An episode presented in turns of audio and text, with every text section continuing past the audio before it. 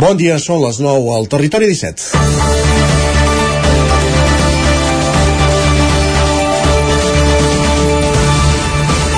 Vic, Manlleu i Ripoll comparteixen moltes coses. L'última és que els tres ajuntaments han estat requerits a les últimes hores per la Junta Electoral per retirar símbols independentistes dels edificis municipals i de la via pública. I tots tres, de colors polítics diferents, Junts per Catalunya i Aliança Catalana en concret, han fet cas i els han retirat. En els tres casos es tracta de denúncies de veïns o entitats, Impulso Ciudadano en el cas de Vic, i la Junta Electoral de Zona s'ha afanyat a requerir els ajuntaments. L'Ajuntament de Manlleu notificava dissabte en un comunicat apuntant també que un cop passada la campanya electoral la intenció és tornar a col·locar banderes a edificis municipals, edificis públics i estelades a l'entrada de la ciutat. El cas més curiós és a Vic, on els obliguen a tapar un mural de la via pública sota la passera del Sucre, mural que fa anys que hi és, durant la campanya electoral. S'han hagut d'enginyar una lona negra per tapar-lo. A Vic i Ripoll, la CUP ja ha fet comunicats públics lamentant la rapidesa dels respectius ajuntaments en acatar les ordres de la GEC i més en el cas de Vic tenint en compte que s'està a l'espera de la resolució d'un recurs per part de la Junta Provincial.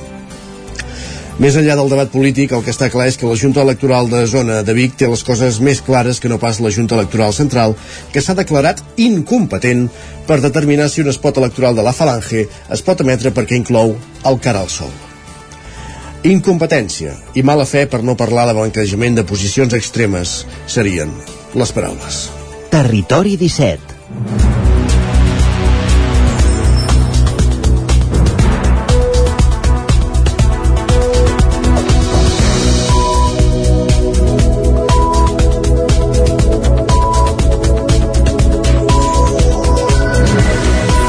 Dimarts 11 de juliol de 2023, en el moment de començar el Territori 17, el magazín de les comarques del Vallès Oriental, l'Osona, el Ripollès, el Moianès i el Lluçanès que us fa companyia cada matí a la sintonia d'Ona Codinenca, Ràdio Cardeu, la veu de Sant Joan, Ràdio Vic, el 9 FM i també ens podeu veure a través de Twitch, YouTube, el 9 TV i la xarxa més. De quina manera us farem companyia al llarg d'aquestes dues hores? Doncs tot seguit us avancem al sumari del dia d'avui, com dèiem, dijous 11 de juliol, ara que passen dos minuts i mig de les 9 del matí. En aquesta primera mitja hora ens dedicarem a aprofundir en les notícies més destacades de les nostres comarques, les notícies del territori 17. Acte seguit, eh, farem un cop d'ull al temps en aquestes jornades d'intensa calor tal com ens explicarà en Pep Acosta, a partir d'un quart de deu tocats del matí, i acte seguit el que farem serà anar fins al quiosc perquè en Sergi Vives ens acosti les portades dels diaris del dia, l'endemà d'aquest cara a cara entre Pedro Sánchez i Alberto Núñez Feijó, aquest cara a cara entre els candidats del PSOE i del PP a la presidència del govern espanyol que es feia ahir a la nit a 3 Media. Um, a partir de dos quarts de deu pujarem al tren com cada matí a la Trenc d'Alba amb l'Isaac Muntades recollint les cròniques dels oferts usuaris de la línia Barcelona-Granollers Vic, Ripoll, Puigcerdà, la línia per on passa l'R3 de Rodalies i a l'entrevista anirem fins a una codinenca per parlar amb l'Anna Martí, la cap de l'agrupament Escolta Macalo de Sant Feliu de Codines que celebra 15 anys en companyia d'en Roger Rams, com dèiem, des d'una codinenca. A que completarem aquesta primera mitja hora. Arribarem a l'equador del programa amb la secció de Natura i Medi Ambient com cada dimarts, un cop al mes, en companyia del Centre d'Estudis dels Rius Mediterranis de la Universitat de Vic i avui en companyia de la Rosa Gurí per parlar dels estats d'hàbitats de l'illa del Sorral, sobre la qual està fent la tesi doctoral notícies a les 10, la previsió del temps i a la secció d'Economia a partir d'un quart d'onze avui en Joan Carles Arredondo ens parlarà d'un informe del Banc d'Espanya, alerta, eh, un informe del Banc d'Espanya que conclou que els preus estan retallant els estalvis però sobretot estan incrementant les desigualtats i el cas és que els més desafavorits ja no és que no puguin estalviar, sinó que ni tan sols poden gastar. Un estudi, in, insistim, del Banc d'Espanya i aprofundirem a partir d'un quart d'onze del matí amb en Joan Carles Arredo del cap d'Economia del 9-9 del Vallès Oriental. Uh, el món de Twitter ens fa companyia, ens hi capbussem a partir de dos quarts d'onze al matí. Durant 5 minuts i acabarem el racó de pensar parlant de la segona edició d'Ona ODS, uh, aquest uh, espai audiovisual dedicat a aprofundir, a conèixer experiències a l'entorn dels objectius de desenvolupament sostenible promoguts a Catalunya per Ràdio Televisió Cardeu, doncs avui centrarem aquest racó de pensar en la segona edició, com dèiem, d'Ona ODS, que es durà a terme eh, en la recta final d'aquest 2023. En coneixerem més detalls i companyia, com dèiem, de la Maria López a partir de dos quarts d'onze i algun minut del matí a la recta final del territori 17 d'avui, un territori cada 17 que ara comença com cada dia, com cada matí, repassant, aprofundint en les notícies del territori 17. Les notícies del Vallès Oriental, Osona, el Ripollès, el Moianès i el Lluçanès. Els veïns de Sant Joan de les Abadesses aproven l'eix cívic i la ruta de les escoles en bicicleta, segons es conclou d'un seguit d'enquestes i també de tres tallers participatius. Isaac Muntades des de la veu de Sant Joan.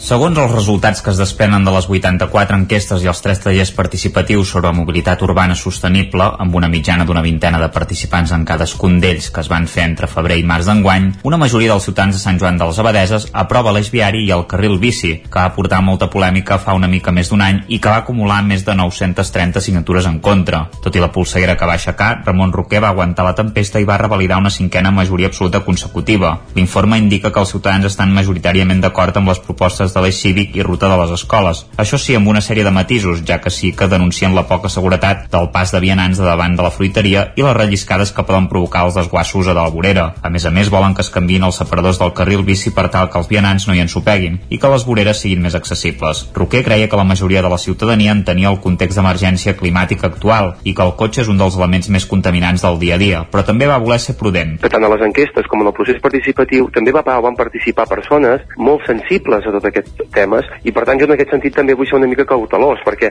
penso que, que requereix encara de que tots plegats madurem més què vol dir prendre eh, accions o fer actuacions que vagin a la línia d'una mobilitat més sostenible i en la millora de, de la contaminació de l'aire, en aquest cas el nostre municipi, i també doncs, que a poc a poc també es vagin incorporant en aquest debat persones que poden ser més reàcies a, a entendre-ho i que han utilitzat o prioritzen el vehicle per la seva vida diària. No? Pel que fa a la mobilitat a peu, s'aprova la iniciativa que l'Ajuntament porta treballant des de fa anys per donar prioritat als vianants. S'hi van proposar mesures per reduir la velocitat dels vehicles al seu pas per dins el municipi de la Nacional 260, crear dos nous passos de vianants davant del supermercat Suma i a l'inici de l'Avinguda Comte Guifré, eliminar places d'aparcament i restringir horaris de càrrega i descàrrega del passeig Comte Guifré i allà mateix habilitar-hi un sol pas per vehicles. El 80% dels encastats també creuen que s'han de crear més àrees d'aparcament dissuasives. Sant Joan necessita, si volem avançar en la línia d'anar pacificant el centre del municipi, sí o sí hem de ser capaços de trobar zones grans d'aparcament, aparcaments dissuasius que en diem, perquè tothom quan té la necessitat de poder aparcar, pugui aparcar.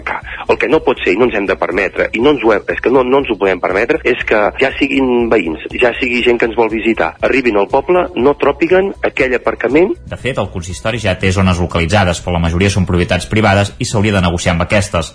La gran majoria dels encastats també demana que es faci una zona d'estacionament a l'antiga fàbrica Espona. Gràcies, Isaac. Més qüestions.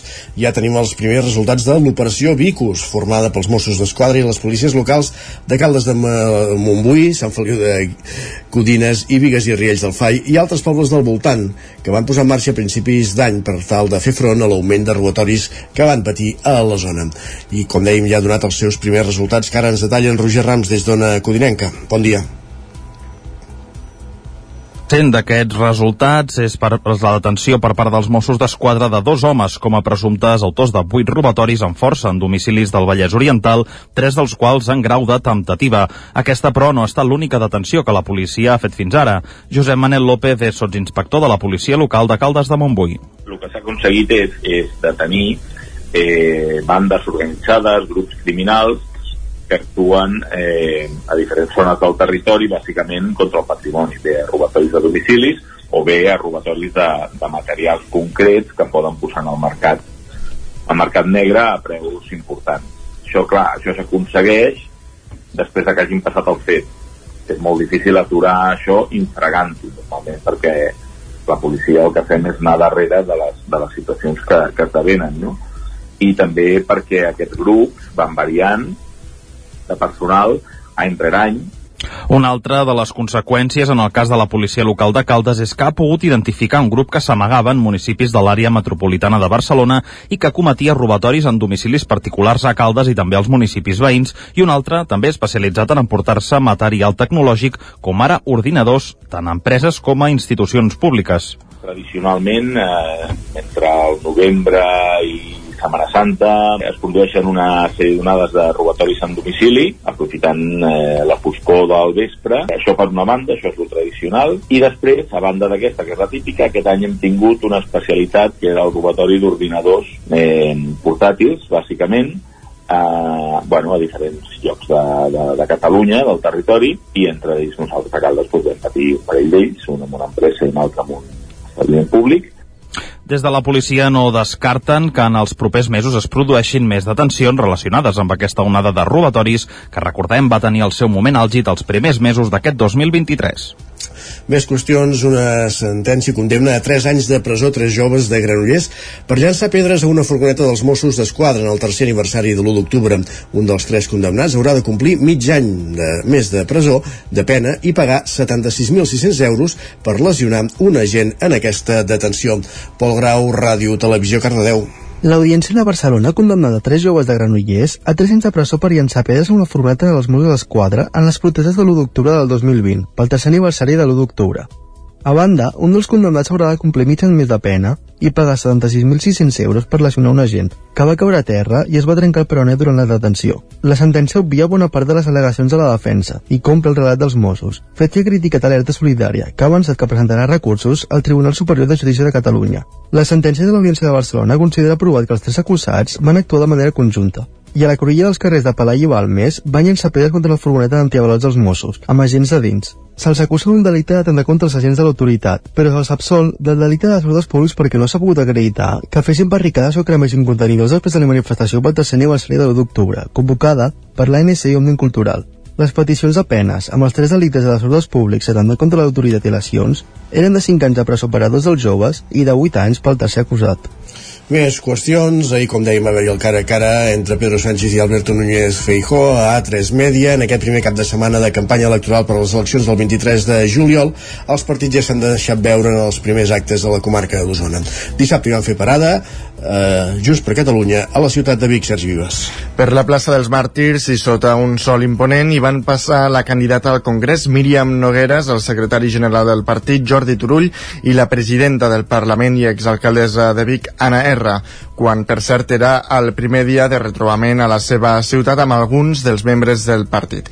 Si un missatge van deixar tots els ponents va ser que l'independentisme té la clau per aturar el feixisme. Així ho manifestava Míriam Nogueres. Cal una reacció en clau nacional a aquesta amenaça constant. El plantem cara a la dreta a Catalunya ha de ser independentista. No pot ser socialista contra el feixisme, independentisme i Catalunya. No van de dretes espanyoles o d'esquerres espanyoles, van de Catalunya o Espanya, perquè el PSOE ni frena, ni frenarà, ni ha frenat mai a la dreta Junts contra el feixisme, ja ho hem vist a Ripoll. Continuem, Sergi. Pel faristol hi van pujar Anna R, Jordi Rull i l'actual alcalde de Vic, Albert Castells. Qui es va estrenar, però, com a número 6 de la formació per, per Barcelona-Madrid era Susana Roura. Venim de l'1 d'octubre, és una altra guerra, diferent, però també en el fons no, no deixa de ser una lluita entre Catalunya i Espanya, i no ens podem desanimar no podem inferir-nos vots de càstigs amb nosaltres mateixos si decidim que el millor és no anar a votar. En l'acte de Junts a Vic tampoc hi van faltar cares conegudes, com la simpatitzant ninotaire Pilarín Vallès, l'exconsellera de Justícia Lourdes Ciuro o l'exalcalde de Call de Tenes i diputat provincial Marc Verdaguer. També va visitar a Vic, en aquest cas diumenge, el candidat per Barcelona del Partit Popular, el fins fa poc diputat de Ciutadans, Nacho Martín Blanco. Ho va fer acompanyat eh, del president del PP a la comarca, Pau Ferran. Des de l'estació de trens, Martín Blanco va voler reivindicar el desdoblament de l'R3 i va assenyalar que el millorament de la línia és una prioritat pel Partit Popular. El desdoblament de la R3 doncs, eh, jo crec que ha de ser una prioritat pel pròxim govern d'Espanya, ho ha de ser, ho serà eh, pel pròxim govern d'Espanya en el cas ara sembla que probable eh, que el pròxim president del govern d'Espanya sigui Alberto Núñez Feijó i per nosaltres serà una absoluta prioritat. En aquest sentit va considerar que quan a Madrid ha governat el Partit Popular, a Osona li ha anat bé, tot recordant inversions estatals com el soterrament del tren a Vic, l'acceptació de la Facultat de Medicina o la reforma de la façana de la catedral fins ara qui feia mítings a l'estació de tren de Vic era l'entorn dels comuns, ara ja és fins i tot el, el Partit Popular. Després de dues setmanes de disbauxa, la Festa Major de Vic finalitzava aquest diumenge, ho feia entre d'altres actes destacats del programa amb la jornada castellera que els Segals d'Osona van encapçalar sota un sol de justícia diumenge al migdia i acompanyats dels castellers de la Vila de Gràcia i els marrecs de Sal. Amb un 7 de 7 que no aconseguien descarregar des de fa 4 anys, els Segals d'Osona encetaven aquest diumenge la jornada castellera de la Festa Major de Vic. Una construcció de 7,20 metres d'alçada i un pes de 1.700 quilos que la colla osonenca va portar sense èxit l'any passat al concurs de castells de Tarragona. Ho van fer a la plaça amb el nou govern biguetà supervisant les figures des del balcó. Amb un castell ferm, els primers aplaudiments de la jornada van arribar amb la primera aleta de l'enxaneta, aplaudiments que esclataven amb la segona i els primers passos per descarregar aquesta vegada sí amb èxit al castell.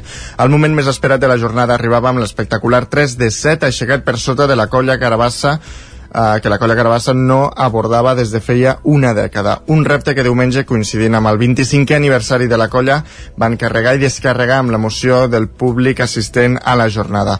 En parla el president Joan Riera i la cap de colla Griselda Riera. És increïble aquest castell, bueno, és que encara que n'hagis fet 48, el 49 encara et fa posar nerviós, vull dir, és, és un castell que, bueno, si no, el, si no el fas no ho saps, però vull dir que fas, fa patir molt. Hem tornat a, a, a recuperar un castell que havia set, havia set un dels castells bandera. Jo no sé, en van fer 49 o 50 de seguits i no van fer de 8, jo no sé per què no es va fer de 8, jo estic emprenyat amb uns quants que, que, que no ens el van deixar fer de 8, però bueno, això són coses que queden a casa. I havíem fet el 4 de 7 i tot perquè teníem 4 equips de mans que, que molt capaços. Ara, per fer el de 8 queda, queda moltíssim, però hem de fer uns quants de 7 i, i, i anar fent i anar traient els nervis de la gent i, i, i tornarem a ser.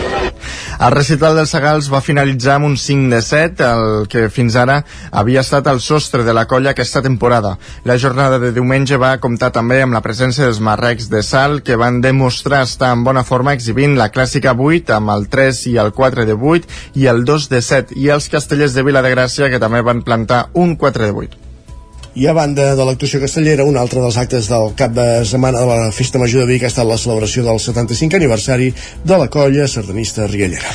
4 minuts i 36 segons va ser la durada del vídeo mapatge commemoratiu que es va projectar damunt la façana de la Casa Beuló, que va repassar des de la fotografia més antiga fins a infinitat de concursos, assajos i sortides que la colla ha dut a terme amb la voluntat de difondre aquesta dansa. El seu president Carles Puig Ferrat ha volgut destacar alguns dels moments més rellevants d'aquests anys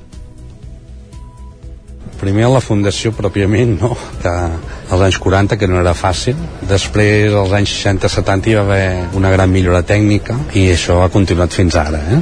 I després, a partir dels anys 90, la introducció de colles infantils, juvenils, Instants abans va tenir lloc un altre moment especial. La sardana de Germanó tancava el 97è concurs de colles sardanistes.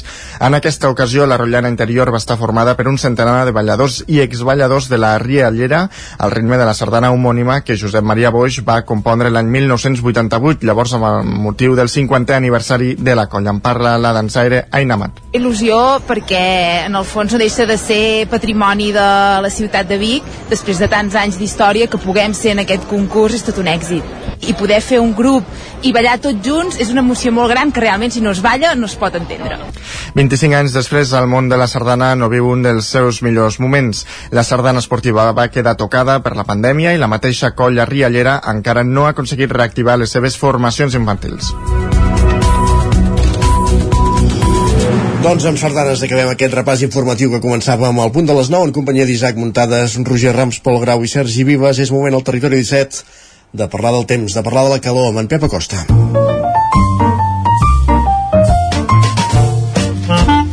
Casa Terradellos us ofereix el temps. No sé si ha pogut dormir, el cas és que ja el tenim al peu del canó un dia més, un matí més, per explicar-nos el temps que ha fet les últimes hores i com avançarà en les properes. Pep, benvingut, bon dia.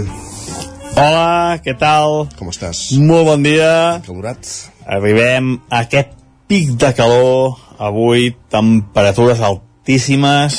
Uh, no parlem nada de calor, perquè només s'han registrat temperatures excepcionals el dia d'avui i, per tant, s'anomena uh, pic de calor. Pic de calor el que tindrem uh, avui, avui dimarts, que serà una jornada, com deia, molt, molt càlida, una, unes temperatures excepcionalment altes, una situació molt, molt preocupant i, i fins i tot una mica perillosa la que tenim avui. ja ens llevem amb unes temperatures molt altes, per sobre dels 20 graus, a moltes regions de, de, de, de casa nostra, que hi ha totes les poblacions, ja marca més de 20 graus, i això ja és un, un indicador d'aquest aire càlid, d'aquesta massa d'aire eh, sahariana que tenim a sobre. Un altre indicador, que cap mena de dubtes, és aquesta mala visibilitat, aquest sol atenuat, aquesta pols en suspensió que tenim a, a sobre nostra i aquesta flexa d'aquests vents de sud que són molt càlids i són els responsables d'aquesta pujada de temperatures, d'aquest pic de calor que tindrem avui. Uh, ara mateix, com deia, temperatures ja de 23, 24, 25 graus i es aniran disparant al llarg del dia d'avui. Superarem els 40 graus en algunes poblacions, uh, sobretot cap a Osona, sobretot també un, a un sector de, de Ripollès. Uh, per tant, situació, cuidado, precaució, perquè uh, les centrals del dia, eviteu fer esport, eviteu fer grans esforços, perquè com deia això, eh, hi pot haver una, una situació una mica perillosa.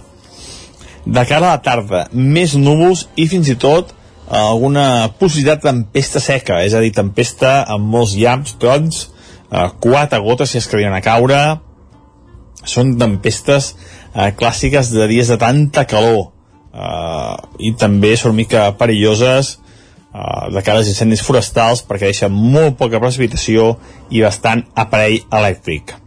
De cara a demà aquest pic de calor s'allunya eh, ja tindrem vents molt més normals tindrem aquesta pols en suspensió que ja anirà marxant i per tant, per sort només avui tenim aquestes temperatures de 40 graus a casa nostra.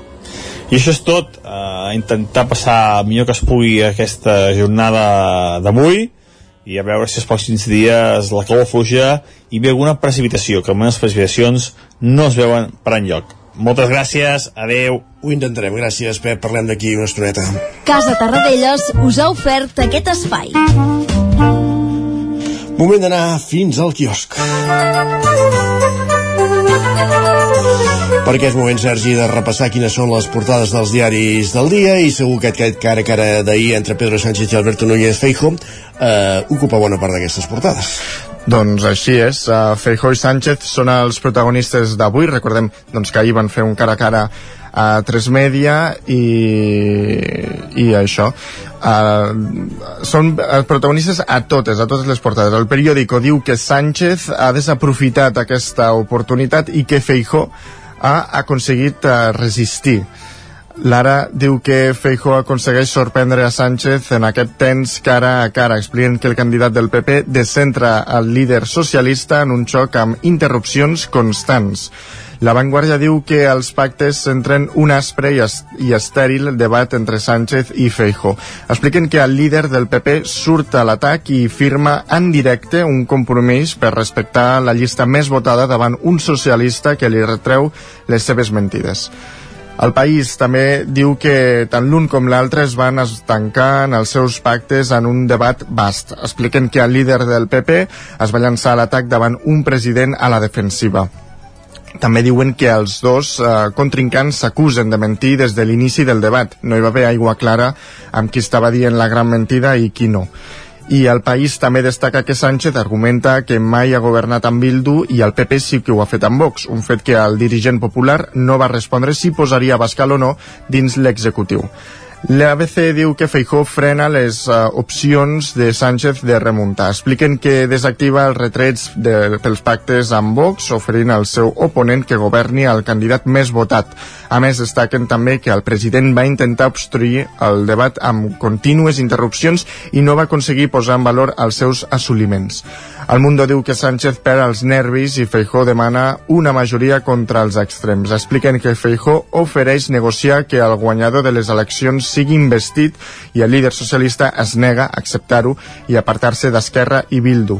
Per altra banda, diuen que Sánchez explora, explota els pactes amb Vox de les autonomies i acusa Feijó de claudicar davant el masclisme amb acords vergonyosos. I la raó sobre aquest tema és clara i concisa. Diu que Feijó noqueja a Sánchez. Expliquen que el líder del PP va sortir a l'atac i va derrotar a un Sánchez nerviós en un temps cara a cara. I eh, canviant de tema, altres titulars que ens sí. trobem avui a les portades són, per exemple, que Carles Puigdemont diu al punt avui eh, no se la juga. Expliquen que el president i Toni Comín no viatgen a Estrasburg davant l'ambigüetat de l'Eurocambra. Diuen que la falta de garanties i el conveni franco-espanyol els exposaven a una extradició express.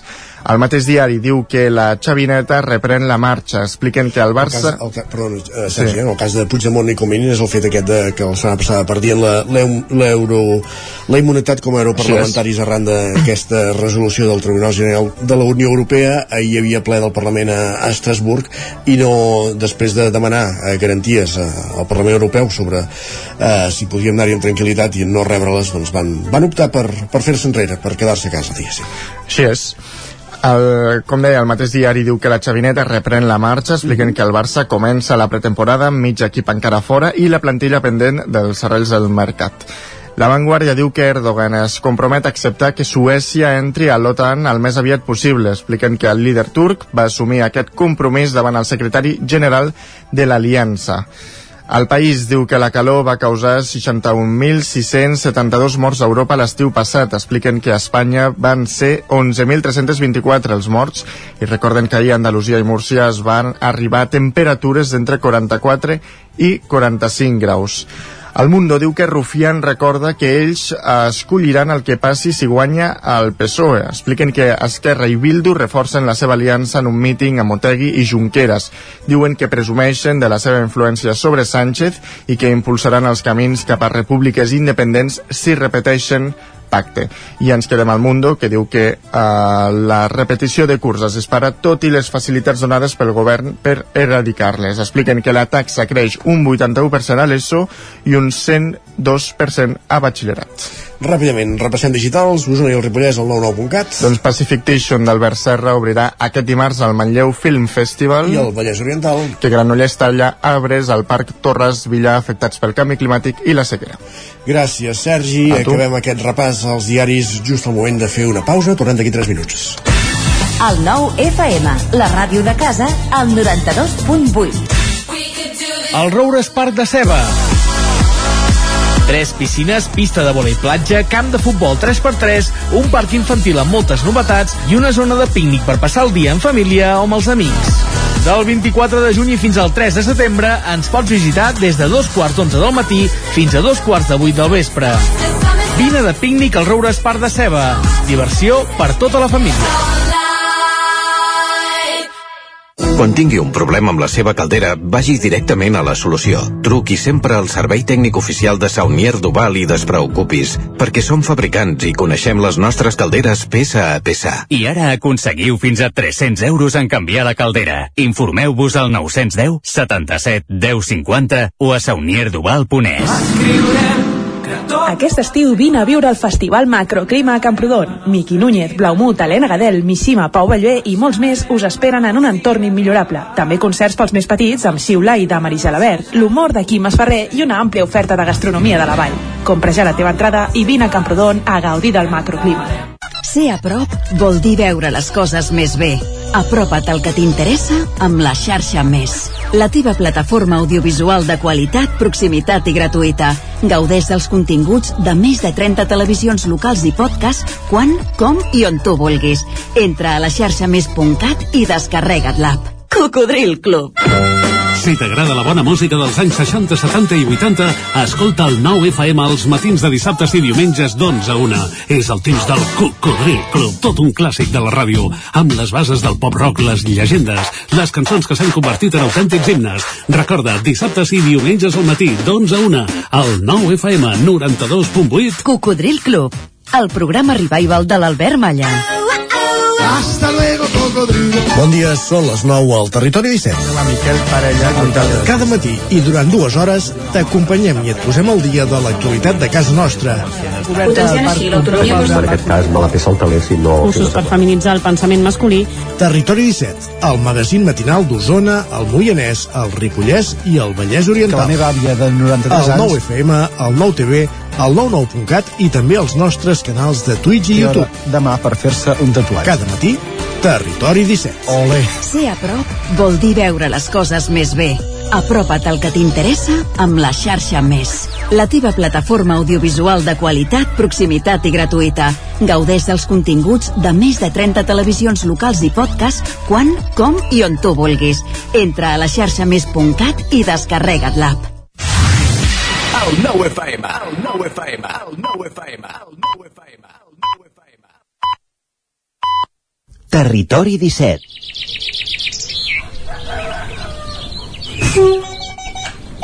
A Tren d'Alba. Cada dia els usuaris i usuàries de la línia R3 de Rodalies que veuen sortir el sol des d'un vagó ens expliquen les gràcies i les penes del primer comboi que uneix Ripoll i Barcelona o les feixugues jornades amb el tren després de treballar. Benvinguts a Tren d'Alba. La CGT ha convocat aturades a Renfe i Adif entre els dies 10 i el 19 de juliol per protestar contra la manera com es vol implantar la jornada laboral de 35 hores a la plantilla. Les aturades més destacades són dues vagues de 23 hores que s'han previst a Adif el 14 de juliol i a Renfe uns dies més tard, el 19 de juliol. A més a més, també han convocat aturades parcials a Adif els dies 10, 12, 17 i 19 de juliol. La protesta, com deia, es fa per discrepància en la reducció de la jornada laboral a 35 hores a la setmana en dies dies i no en minuts, com proposa l'en gestor d'infraestructures ferroviàries i contra la pèrdua de poder adquisitiu i la contínua externalització de les tasques que han de dur a terme els treballadors de les dues empreses.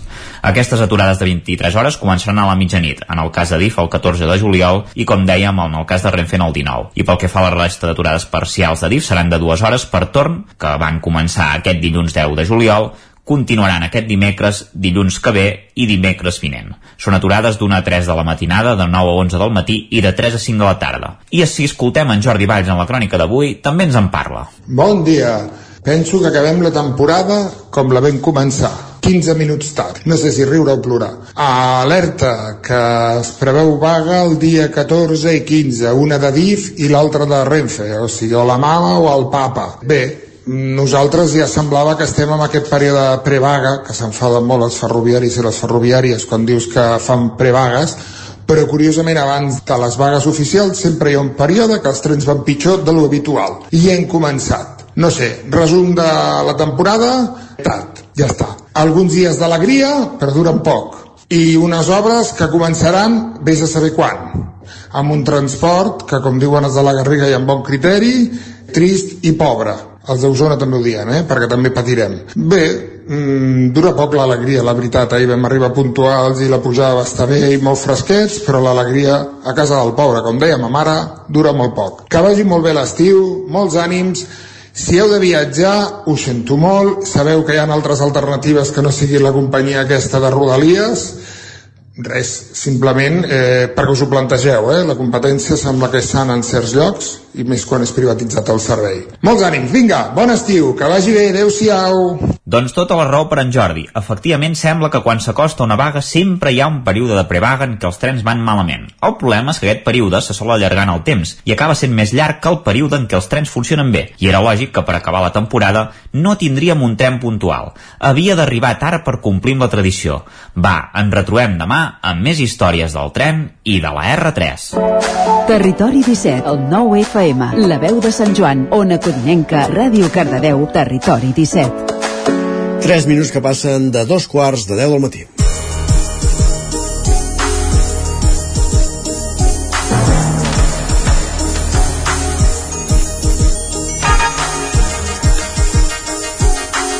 Avui a l'entrevista anem cap a una codinenca per conèixer l'agrupació Escolta Macalu de Sant Feliu de Codines, una entitat per la que han passat bona part dels joves del poble i que enguany està de celebració. Celebra 15 anys.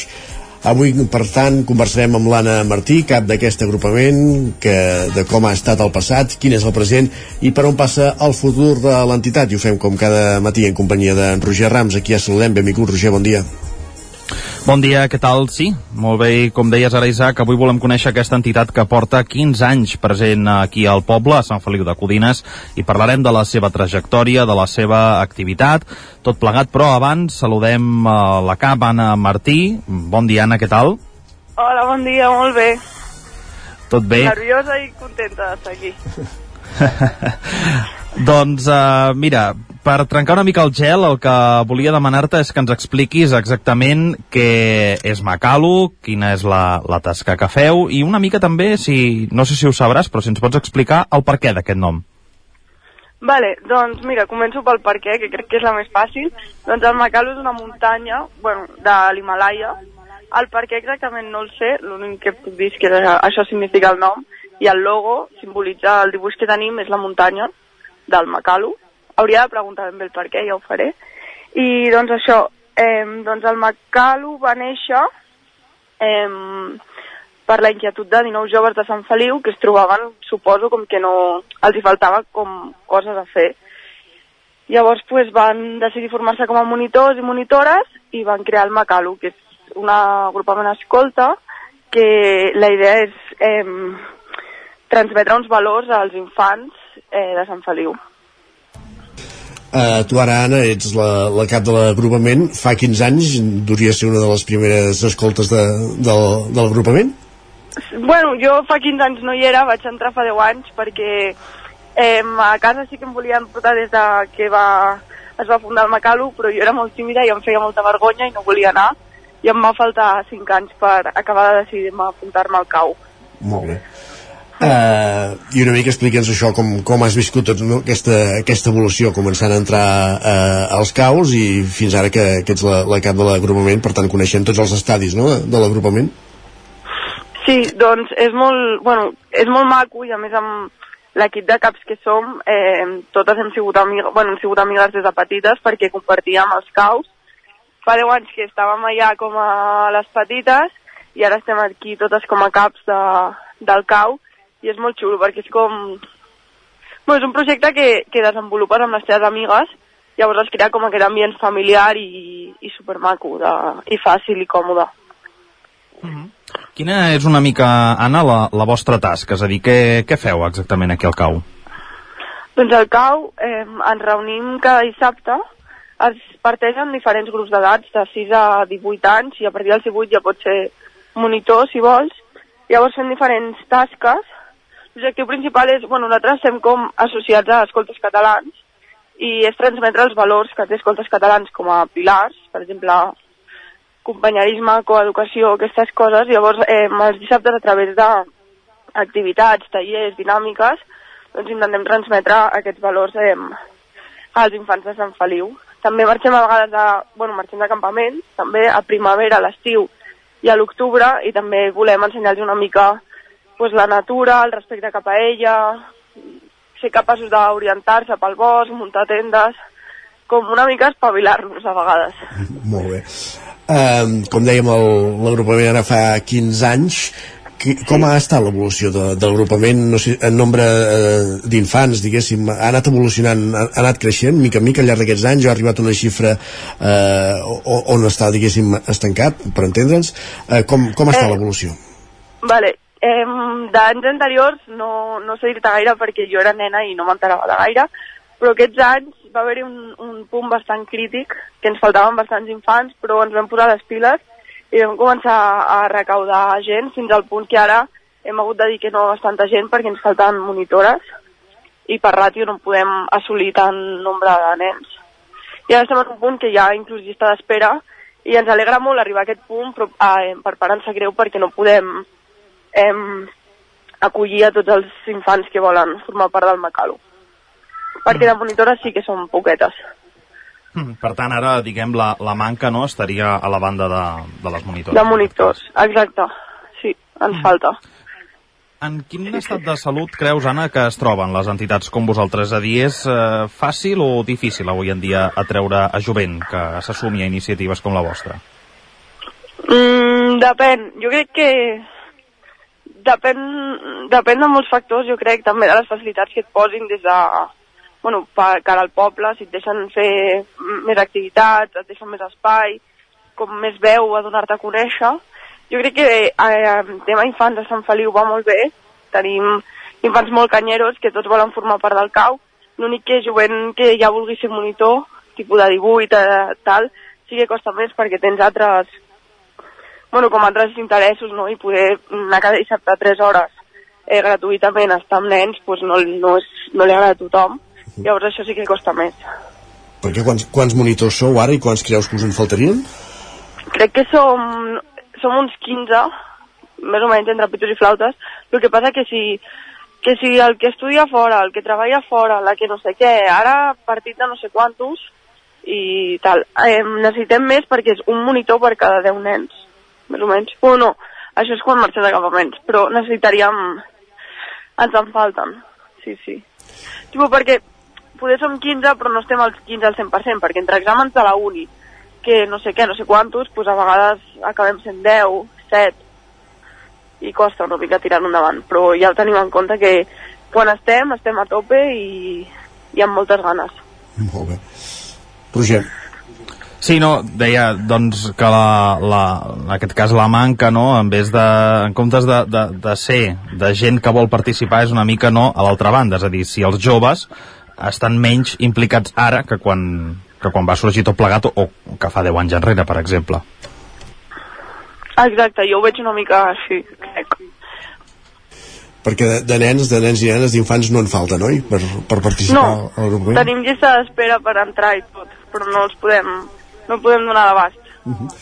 Abans pa- parlàveu que formàveu part de- d'aquest col·lectiu d'escoltes que, catalans. Quina és la relació amb la resta de- d'agrupaments de, de l'entorn o, o del Principat? Diguéssim, no sé si es fan activitats conjuntes, també in- intercanvis. Eh, Sí, em, cada any es fa com una reunió més em, de caire com formal, que es diu l'AGO, que és com que fem votacions aquestes coses amb tots els em, agrupaments de Catalunya, llavors es van fent trobades, es fan trobades com per unitats.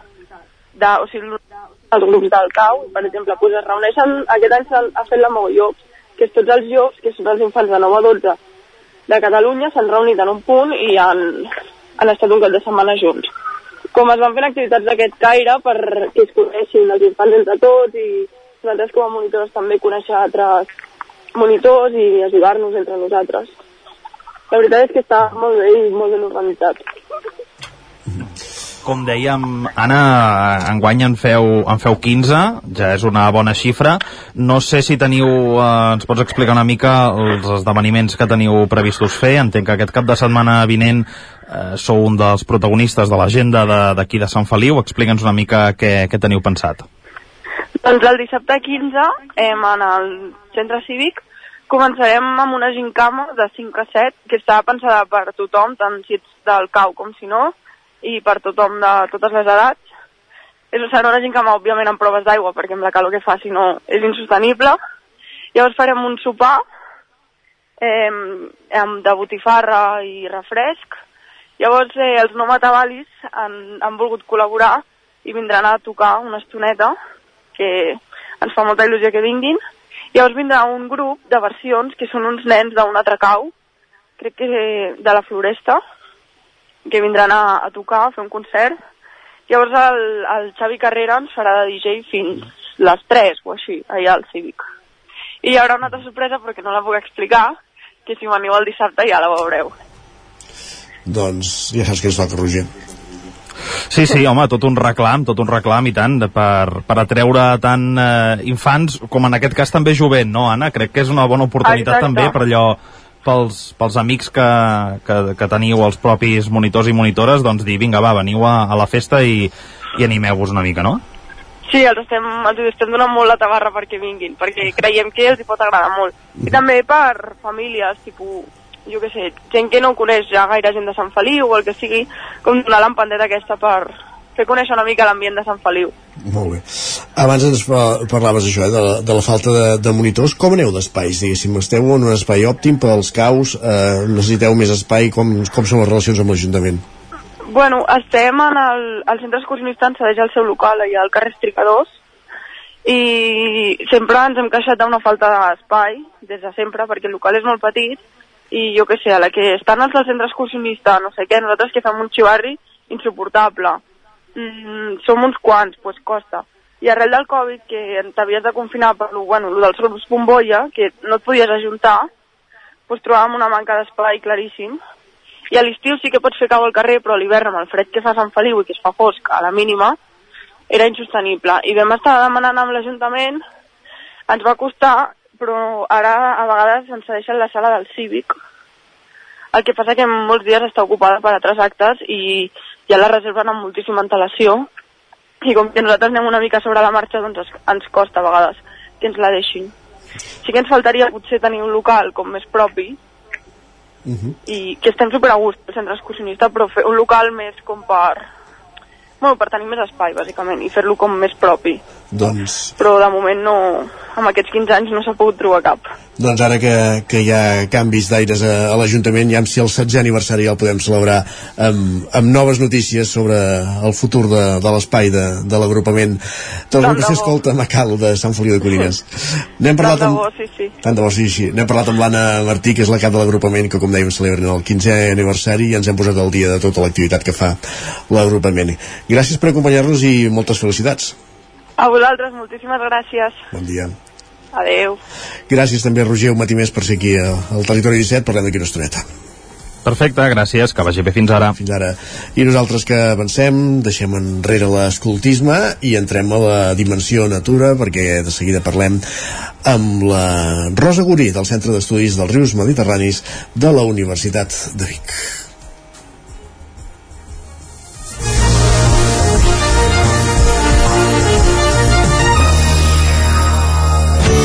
Territori 17. Envia'ns les teves notes de veu per WhatsApp al 646 079 023. 646 079 023. WhatsApp Territori 17.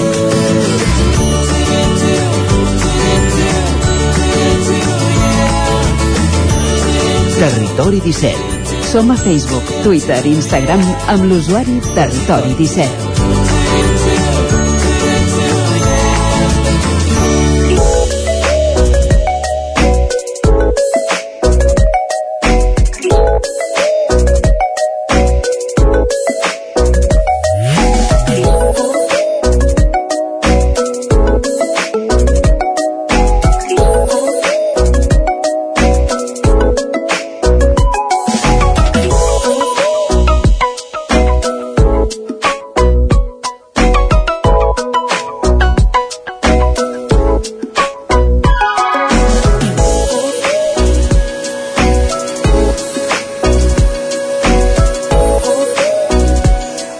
Com cada dimarts, arribarem al punt de les 10 parlant de natura, de medi ambient, de meteorologia, d'energia. En aquest cas, toca natura i medi ambient. Ens acompanya la Rosa Gurí, del Centre d'Estudis dels Rius Mediterranis de la Universitat de Vic. Bon dia, Rosa, benvinguda.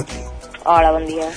Avui l'hem parlat una mica de la tasca que estàs fent també eh, dins del CERN, però també dins la teva tesi doctoral sobre eh, hàbitats de, de peixos, en concret a, a l'illa del Sorral, tot en, que eh, encara no hi heu començat a treballar del tot, però sí que podem parlar de diversos aspectes que, que toqueu en aquesta tesi doctoral sobre eh, els hàbitats de, dels peixos a, a la conca de, del riu Ter.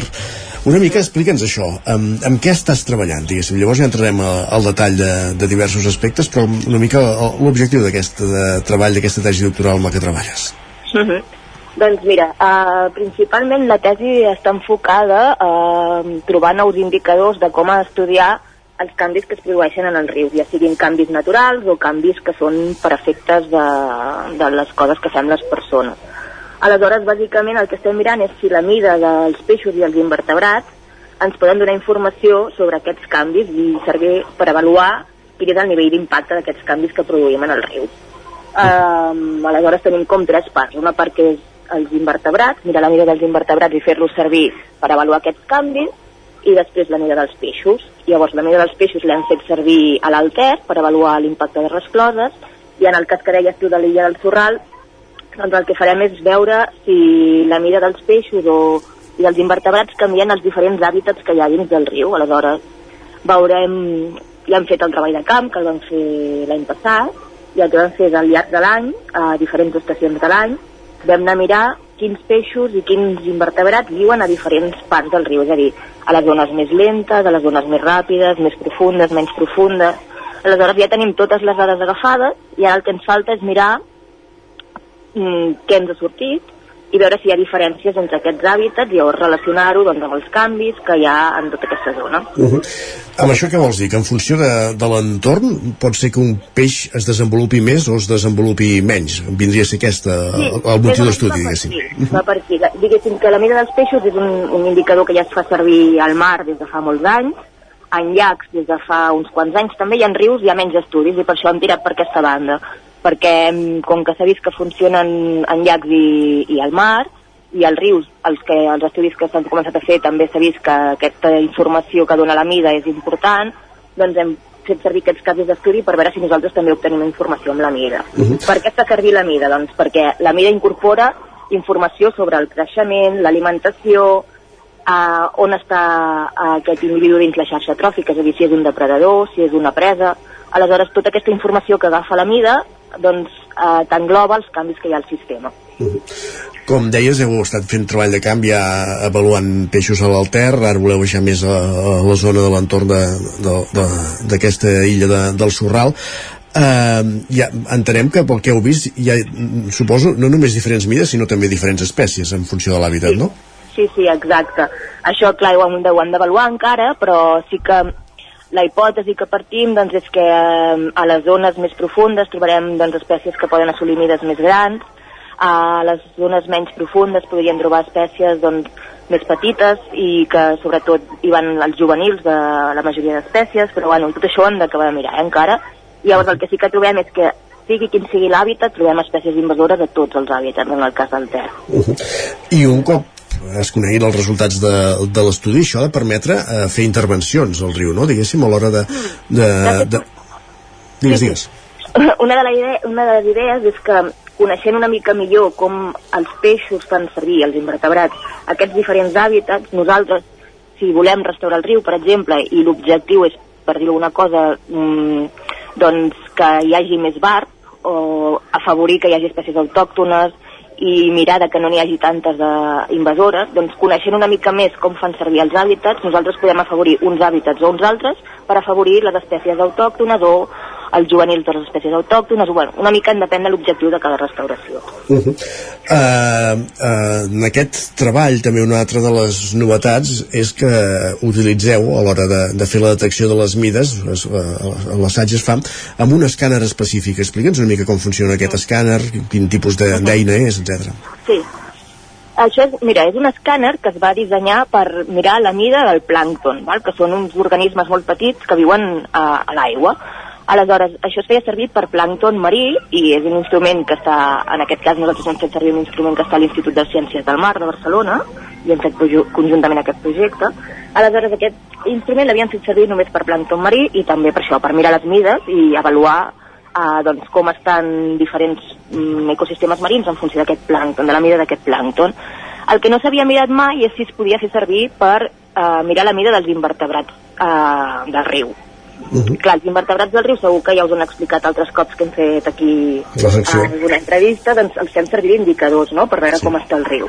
Aleshores, si tu has de mirar la mida, com que són animals molt petits, quan la mires a mà, diguéssim, els has de posar la lupa i anar medint, i això és una feina molt laboriosa i molt lenta. Aleshores, vam pensar que si ja hi havia un escàner que servia pel plàncton i funcionava, doncs podíem intentar també provar-ho amb els invertebrats i veure si ens mirava la mida petició organismes una mica diferents, a veure si funcionava aquest escàner. Llavors la prova que vam fer va ser aquesta, vam agafar invertebrats de riu, els vam posar en aquest escàner, fent una sèrie de modificacions, i vam mirar si ens agafava bé les mides i, i si podíem llavors fer servir aquests estudis de mides amb, aquesta, amb aquest instrument. I el que ens ha sortit és que sí, eh, que, que aquest escàner es pot fer servir amb invertebrats de riu i que això doncs, podria ser una eina valuosa a l'hora de fer servir aquest nou indicador de mides. Uh -huh. Ara bé, ha sigut una primera prova i com totes les proves, quan comences un mètode nou, doncs falta acabar d'ajustar diferents coses, però d'entrada sembla que està un mètode que, que podria funcionar. I a més útil i que facilita molt la, la feina, no? Perquè deies? Exacte, exacte. El que fas és que tu poses, eh, tens els invertebrats que has agafat amb un mostreig normal de riu i tu els poses amb un escàner, una pantalla normal, eh? L'únic que en lloc de ser un escàner com el que ficaríem un full nosaltres, doncs és un escàner que és com una safata on tu hi poses els invertebrats en líquid, en aquest cas amb alcohol, que és amb el que es conserven. Tanques la tapa, passa el llum com un escàner normal i d'aquí tu tens una imatge. Llavors hi ha una sèrie de programes informàtics que el que et fan és anar agafant cadascun dels animalons que hi ha en aquesta imatge, te'ls individualitza i et mira, et mira la mida.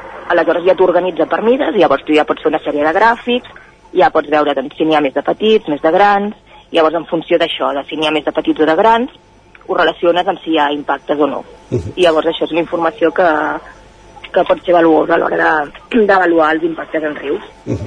Rosa, permetem que em llenci la piscina, però és que no, si no tenia mal entès, avui eh, la trucada us la fèiem mentre estàveu fent treball de camp, és així o no? Sí, havia de ser així, Ah, però degut a que tenim una mica de onada de calor, Sí? doncs per, previ, per prevenir possibles riscos, eh, avui hem canviat el mostreig i el farem la setmana que ve. Molt bé. Perquè teníem un mostreig molt intens, que estem moltes hores al sol, aleshores, com que teníem possibilitat de canviar de dia, ho hem canviat. De fet, ja ens va advertir la Núria Sallarès en l'última trucada que, que teníeu el calendari amb llapis que, per poder anar modificant en funció de, Ah, exacte. de la pluja i, i d'altres inclemències meteorològiques. Gestió adaptativa, que diem. o per pluja o per sol, però de vegades ens toca canviar el dia. Sí, sí. Perfecte. Més qüestions. Um, um, ens deies això, que heu recollit mostres ja a la part alta de, del riu i en diferents èpoques de l'any, diguéssim. Això també hi pot indicar eh, els canvis d'ocupació dels hàbitats o dels mesohàbitats aquàtics per part de, de peixos i de macroinvertebrats al riu, al Ter, en aquest cas, al llarg de l'any, oi? Sí, exacte.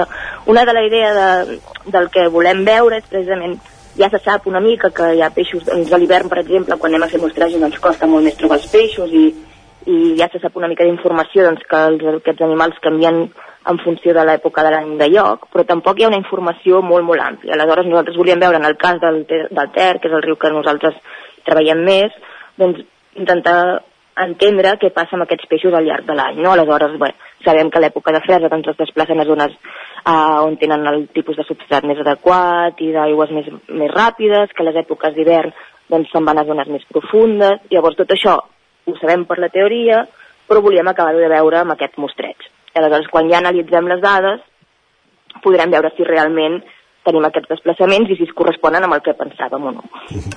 En quina fase està el treball, diguéssim? Quan creus que es poden començar a veure resultats o, o per donar per, per conclòs, no? Diguéssim, perquè hem fet aquest primer mostreig ja a la part alta, ara- us heu de centrar en l'illa del Sorral, però mentrestant ja podeu anar fent també treball de- d'estudi, de, Sí. d'anar analitzant resultats, oi? Sí, de fet això, aquest de la part alta ja, ja està, que és el, el que servia per veure l'impacte de les rescloses, i aquí el que vam veure, bé, quan mirem la mida dels peixos, fem servir diferents indicadors, alguns que són més simples, com seria la mida mitjana de, dels peixos, i altres que són més complexes, que són més en relació a quina quantitat de peixos petits i peixos grans hi ha en les zones més impactades i les zones menys.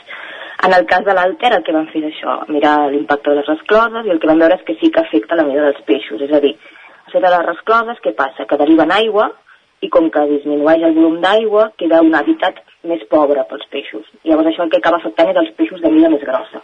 Llavors què vam trobar? Doncs que hi havia més peixos de mida petita i menys de mida grossa. Per tant, en aquest cas, la mida sí que ens ha servit d'indicador. I ho hem vist sobretot en els indicadors més simples, eh? amb, la, amb la mida mitjana. Amb els més complexes no ens ha sortit tant aquest, aquest eh, no ens ha sortit tan representat i això podria estar explicat per mecanismes ja més complicats de la xarxa tròfica. Val? Aquest seria una part, que seria l'alter. A l'illa del Sorral és el que tenim les dades ja agafades i ens faltarà analitzar-les. I tu em dius, quan les tindrem? Bona pregunta, eh? perquè al final tenim molts projectes oberts i aleshores bueno, la feina l'anem fent a poc a poc, però la idea és que a finals d'aquest any ja puguem tenir una mica aquesta informació analitzada, feta l'estadística i ja tinguem les dades de com, com fan servir els peixos i els invertebrats aquests mesohàbitats de l'illa del Sorral. I abans, quan parlàvem de- d'espècies autòctones o, o al·lòctones, també hi ha diferència entre un punt i altre, entenc? Les autòctones són més a, a la part alta? Al revés, eh, sí, perdó, les autòctones més a la part alta, de fet, eh, les capçaleres, on hem fet el mostreig de les capçaleres del Ter, doncs hem trobat només truita, i a mesura que anem baixant, doncs ja es van introduint les diferents espècies exòtiques, i en el cas de l'illa del Sorral trobem que la proporció d'espècies exòtiques és molt, molt més elevada que no pas les autòctones. En el cas del Sorral, que tenim d'autòctones? Tenim bàsicament el barc de muntanya i alguna bagra, tot i que no n'hi ha massa. Ja per acabar, tenim aquí apuntat també parlar dels mostreigs Alnus. Entenc que és alguna de les coses que hem parlat però no hi hem posat nom o què són aquests mostreigs? Sí, segur que n'hem parlat perquè és un projecte que hem fet durant els darrers cinc anys i que justament és en l'àmbit, bueno, és un projecte bastant ampli a nivell de Catalunya, que hi ha tres zones pilots, una que és el Segre, una que és el Ripollès i una altra que és aquí a Osona, aleshores, i una altra al Congost, perdó, a, a, a, al Vallès. Nosaltres hem col·laborat en tots els seguiments de peixos invertebrats en tots aquests punts, però clar, aquí el cas del Ter, que és el que ens queda més, més proper, doncs tenim un estudi que pretenem allargar-lo una mica més en el temps. Val? Per tant, hem fet els darrers 5 anys en aquest projecte live i ara la idea és seguir un parell d'anys més encara amb aquests seguiments.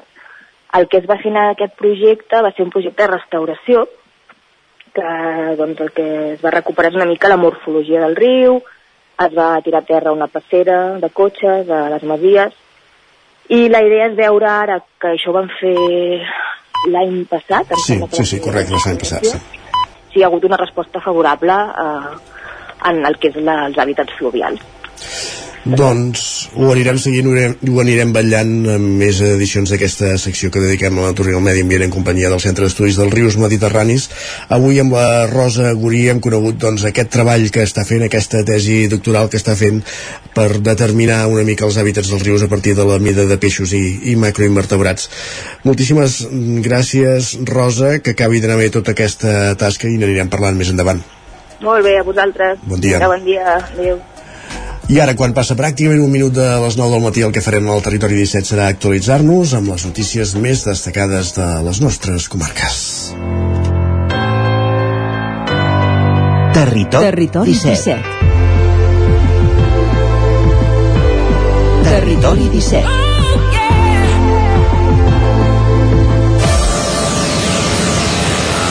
Passa un minut de les 10 del matí. Territori 17.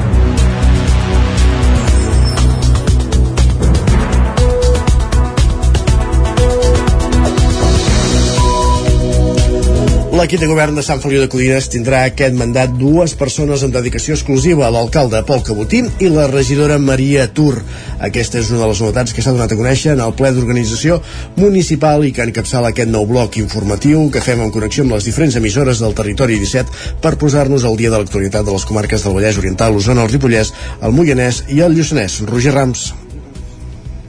Sí, la retribució anual bruta en el cas de l'alcalde Pol Cabotí serà de 32.660 euros bruts anuals i per la regidora Maria Tur de 27.216 euros. La regidora de Cultura, Infància, Joventut i Gent Gran, Caral Vinyals, tindrà una dedicació del 50% amb una retribució de 13.608 euros bruts a l'any i el regidor de Medi Ambient, Serveis Socials i Nova Ciutadania, Ramon Puig, amb un 25% de, de, de dedicació, tindrà una retribució de 6.804 euros. La resta de regidors regidors del govern, Manel Rodríguez, Miquel Palau i Anna Maria Vilarrasa, cobraran 200 euros per assistència a les juntes de govern local. Els dos grups de l'oposició, però, Junts per Sant Feliu de Codines i el Partit dels Socialistes, han votat en contra d'aquestes retribucions. Escoltem per aquest ordre el portaveu de Junts per Sant Feliu i exalcalde Pere Pladevall i la portaveu dels socialistes, Laia Jordana. Perquè pensem que el sou de, de l'alcaldia que evidentment ha de cobrar un sou i evidentment ha d'estar a dedicació exclusiva potser doncs en ser la primera la primera vegada creiem que caldria una mica més d'humilitat i pensar doncs, que tots n'hem d'aprendre i potser doncs, un, un temps és potser posar-se un sou més moderat i no tocant el, el, els 2.000 euros al mes. Pensem que hi ha una diferència de més d'un 70% respecte al que hi havia pressupostos aquest any no és que no pensem que, que la gent hagi de treballar per un sou, evidentment, però veig que hi ha molta diferència amb el que hi havia fins actualment. Per la seva banda, l'alcalde Pol Cabotí apunta que han pres aquesta decisió perquè creuen que el poble mereix que les persones que encapçalen les seves institucions s'hi dediquin al màxim. Eh, sobretot perquè, perquè estàvem en un govern on l'alcaldia no tenia, no tenia sou, sinó que tenia indemnització per, per assistències i per tant ara sí que tenim una alcaldia i a més a més persones amb dedicació doncs que això mm, sí, és una despesa més gran que creiem també que és necessària. I més enllà doncs d'entrar de, en valoracions de si, de si els perfils professionals dels membres que formem el govern mereixen o no aquest sou, no, no entrarem en aquestes discussions perquè nosaltres doncs, estem convençuts de que de que l'aportació professional i personal de cada membre del govern té molt valor En el cas dels regidors de l'oposició cobraran 60 euros per ple i els que també formen part de la comissió informativa en rebran 35 més per assistència en aquestes sessions. Gràcies, Roger Rams, des d'Ona Codinenca, per donar-nos a conèixer això, el cartipàs del nou equip de govern de Sant Feliu de Codines. Més qüestions anem cap a Ripoll, perquè aquesta localitat, com ha passat, per exemple, també a Vic i Manlleu, acata l'ordre de la Junta Electoral i retira l'estelada de la façana de l'Ajuntament. Isaac Muntades, la veu de Sant Joan. Des d'aquest dissabte passat ja no hi ha cap bandera onejant a la façana de l'Ajuntament de Ripoll, ja que el consistori ripollès liderat per Aliança Catalana i l'alcaldessa Sílvia Oriols van acatar les ordres d'un requeriment de la Junta Electoral de Zona que els obligava a retirar-la per tal de mantenir la neutralitat de les institucions en període de campanya electoral ja que alguna entitat o particular els devia denunciar per tenir-hi símbols independentistes. Des del consistori també apuntaven que s'havien retirat la resta de banderes i s'havien portat a netejar la tintoreria. Immediatament, diversos partits municipals com l'Alternativa per Ripoll CUP, Som i Ripoll o Esquerra Republicana li van recriminar que tragués l'estelada. Els copaires se'n fotien dient que la reconquesta que prometia Oriols havia començat se i que fa dos dies havien expressat a l'Agència Catalana de Notícies que s'hagués desentès de la metròpoli espanyola i anar cap a la DUI. Som i Ripoll deia que havien començat les rebaixes d'estiu i que no jutjaven que s'hagués tret, però que Ripoll havia votat la reconquesta, la DUI i la desobediència i que la desafecció política començava amb promeses que no es podien complir. Esquerra, per la seva banda apuntava que de prometre complir hi ha molt tros per penedir. L'alcaldessa va dir a través de les xarxes socials que no volia que Espanya l'inhabilités perquè ella havia vingut a inhabilitar Espanya. També apuntava que se li podien discutir certes accions o estratègies, però que tenia l'objectiu molt clar. Un discurs que xoca amb una piulada de finals de setembre del 2019, en què es mostrava decebuda i indignada perquè havien tret la pancarta dels presos polítics i sí que hi havien deixat la bandera espanyola. A més a més, a Ripoll, qui sí que va desobeir en el seu moment, va ser l'alcalde Jordi Monell al maig del 2015, quan els Mossos van anar a casa seva per demanar que retirés l'estelada. Es va convocar un ple extraordinari vorejant la mitjanit en què ratificaven que no la treien i finalment va ser la policia autonòmica qui de matinada se la va endur. Gràcies, Isaac. Més qüestions. Canviant d'àmbit, l'associació LGTBIQ+, tal com són, nascuda a Osona, celebra el seu 15è aniversari, Sergi amb el títol de ser la tercera entitat LGTBIQ+, creada fora de Barcelona, eh, ara fa 15 anys, l'any 2018, naixia a la comarca l'associació Tal Com Som. Un aniversari que va celebrar-se aquest dissabte en un acte que va tenir lloc al Temple Romà de Vic. No hi van faltar representants del grup de joves que en aquell moment van decidir impulsar una entitat que, tal com ja van pronosticar, va acabar sent referent a les comarques del voltant.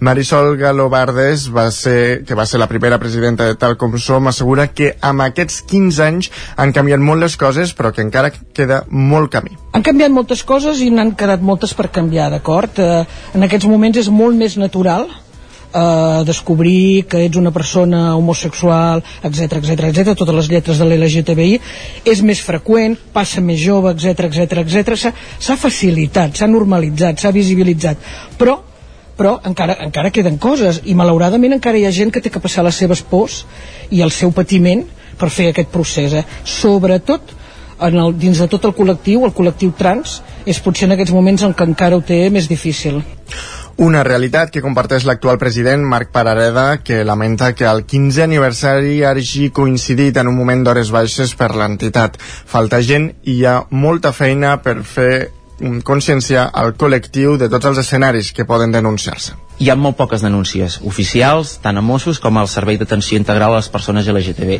N'hi ha molt poquetes al llarg de l'any, això si parleu després amb, amb les companyes del, del Servei d'Atenció Integral d'Osona us diran que hi ha molts pocs casos que es denunciïn, però hi ha moltes consultes i això fa que veiguem més o menys eh, tinguem una, una petita idea, però s'ha de treballar molt més.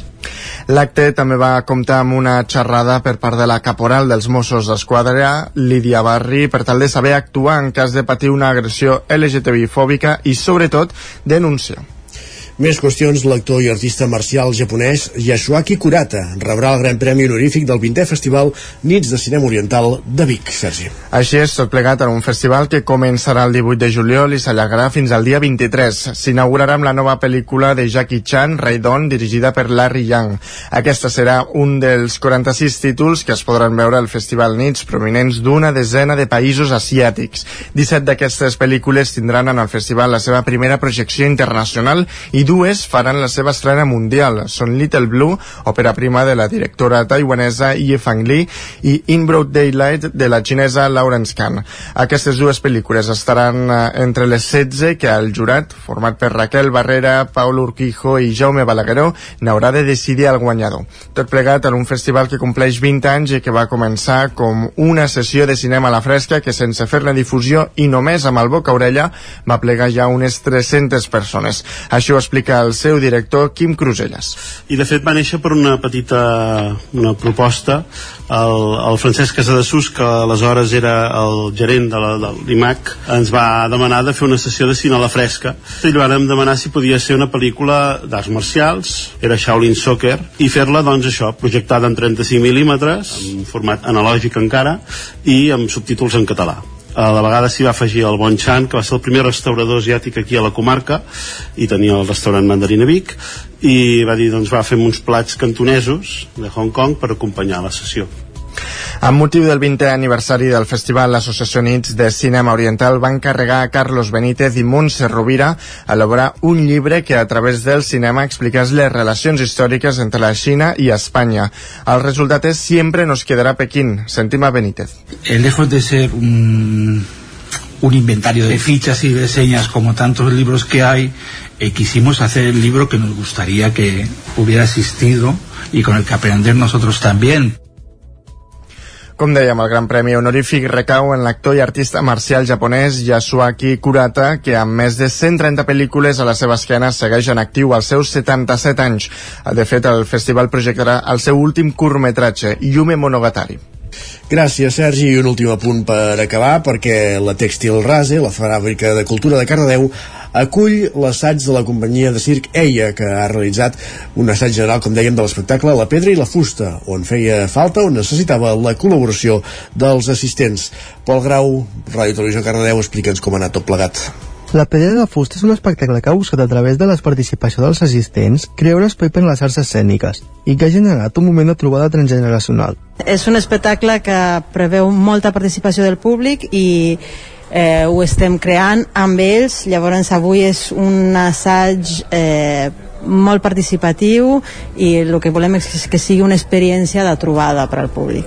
Li diem assaig general perquè és un dels últims assaig, assajos que fem abans de l'estrena, que serà el 16 de juliol. En realitat no és l'assaig general, però sí que eh, com és, és dels últims assajos i això vol dir que d'aquí fins a l'estrena farem canvis però seran petits no és la primera vegada que aquest espectacle es du terme a Cardedeu. Al mes de maig es va fer un taller obert on unes 70 persones van poder participar en aquest mateix espectacle a l'espai de la Tèxtil Race.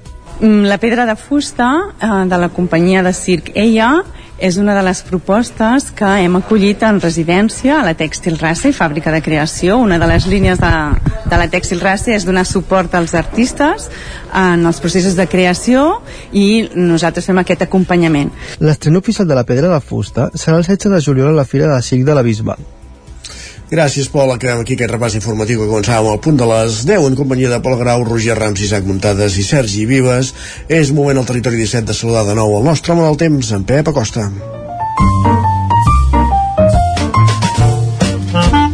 Casa Terradellos us ofereix el temps. Pep, continuarà la calor avui. Benvingut de nou, bon dia. Ara mateix, com deia, temperatures ja de 23, 24, 25 graus i es aniran disparant al llarg del dia d'avui superarem els 40 graus en algunes poblacions, eh, sobretot cap a Osona, sobretot també un, a un sector de, de Ripollès, eh, per tant, situació, cuidado, precaució, perquè eh, els centrals del dia, eviteu fer esport, eviteu fer grans esforços, perquè, com deia això, eh, hi pot haver una, una situació una mica perillosa. De cara a la tarda, més núvols i fins i tot alguna possibilitat de tempesta seca, és a dir, tempesta amb molts llamps, trons, eh, quatre gotes si es que a caure, són tempestes eh, clàssiques de dies de tanta calor eh, i també són mica perilloses eh, de cara als incendis forestals perquè deixen molt poca precipitació i bastant aparell elèctric. De cara a demà, aquest pic de calor s'allunya, eh, ja tindrem vents molt més normals, tindrem aquesta pols en suspensió que ja anirà marxant i per tant, per sort, només avui tenim aquestes temperatures de 40 graus a casa nostra. I això és tot, eh, intentar passar millor que es pugui aquesta jornada d'avui i a veure si els pròxims dies la calor fluja i ve alguna precipitació, que almenys les precipitacions no es veuen per enlloc. Moltes gràcies, adeu. Alerta, doncs, aquesta tarda que poden haver aquestes tempestes de pedra seca en llocs puntuals i localitzats, com ens avançava en Pep Acosta. Mentrestant, si no, altes temperatures. Avui és el dia màxim de, del pic de temperatures de la setmana. Veurem com evoluciona tot plegat. I gràcies, Pep. Parlem demà. Bon dia. Casa Tarradellas us ha ofert aquest espai.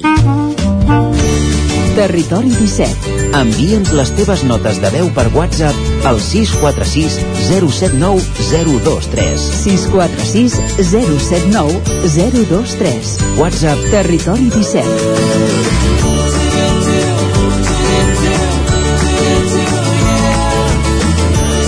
Territori 17. Som a Facebook, Twitter i Instagram amb l'usuari Territori 17.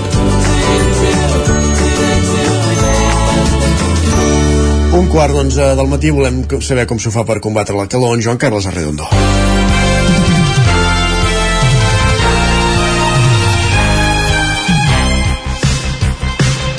Joan Carles Arredondo, que és el cap d'Economia del 9-9 del Vallès Oriental. Amb ell parlem cada setmana d'Economia i avui parlem d'un estudi del Banc d'Espanya amb una conclusió que segurament atribuiríem a altres actors altres vegades, però que també és sintomàtic que sigui el Banc d'Espanya doncs, qui arribi a aquestes conclusions. Joan Carles, benvingut, bon dia.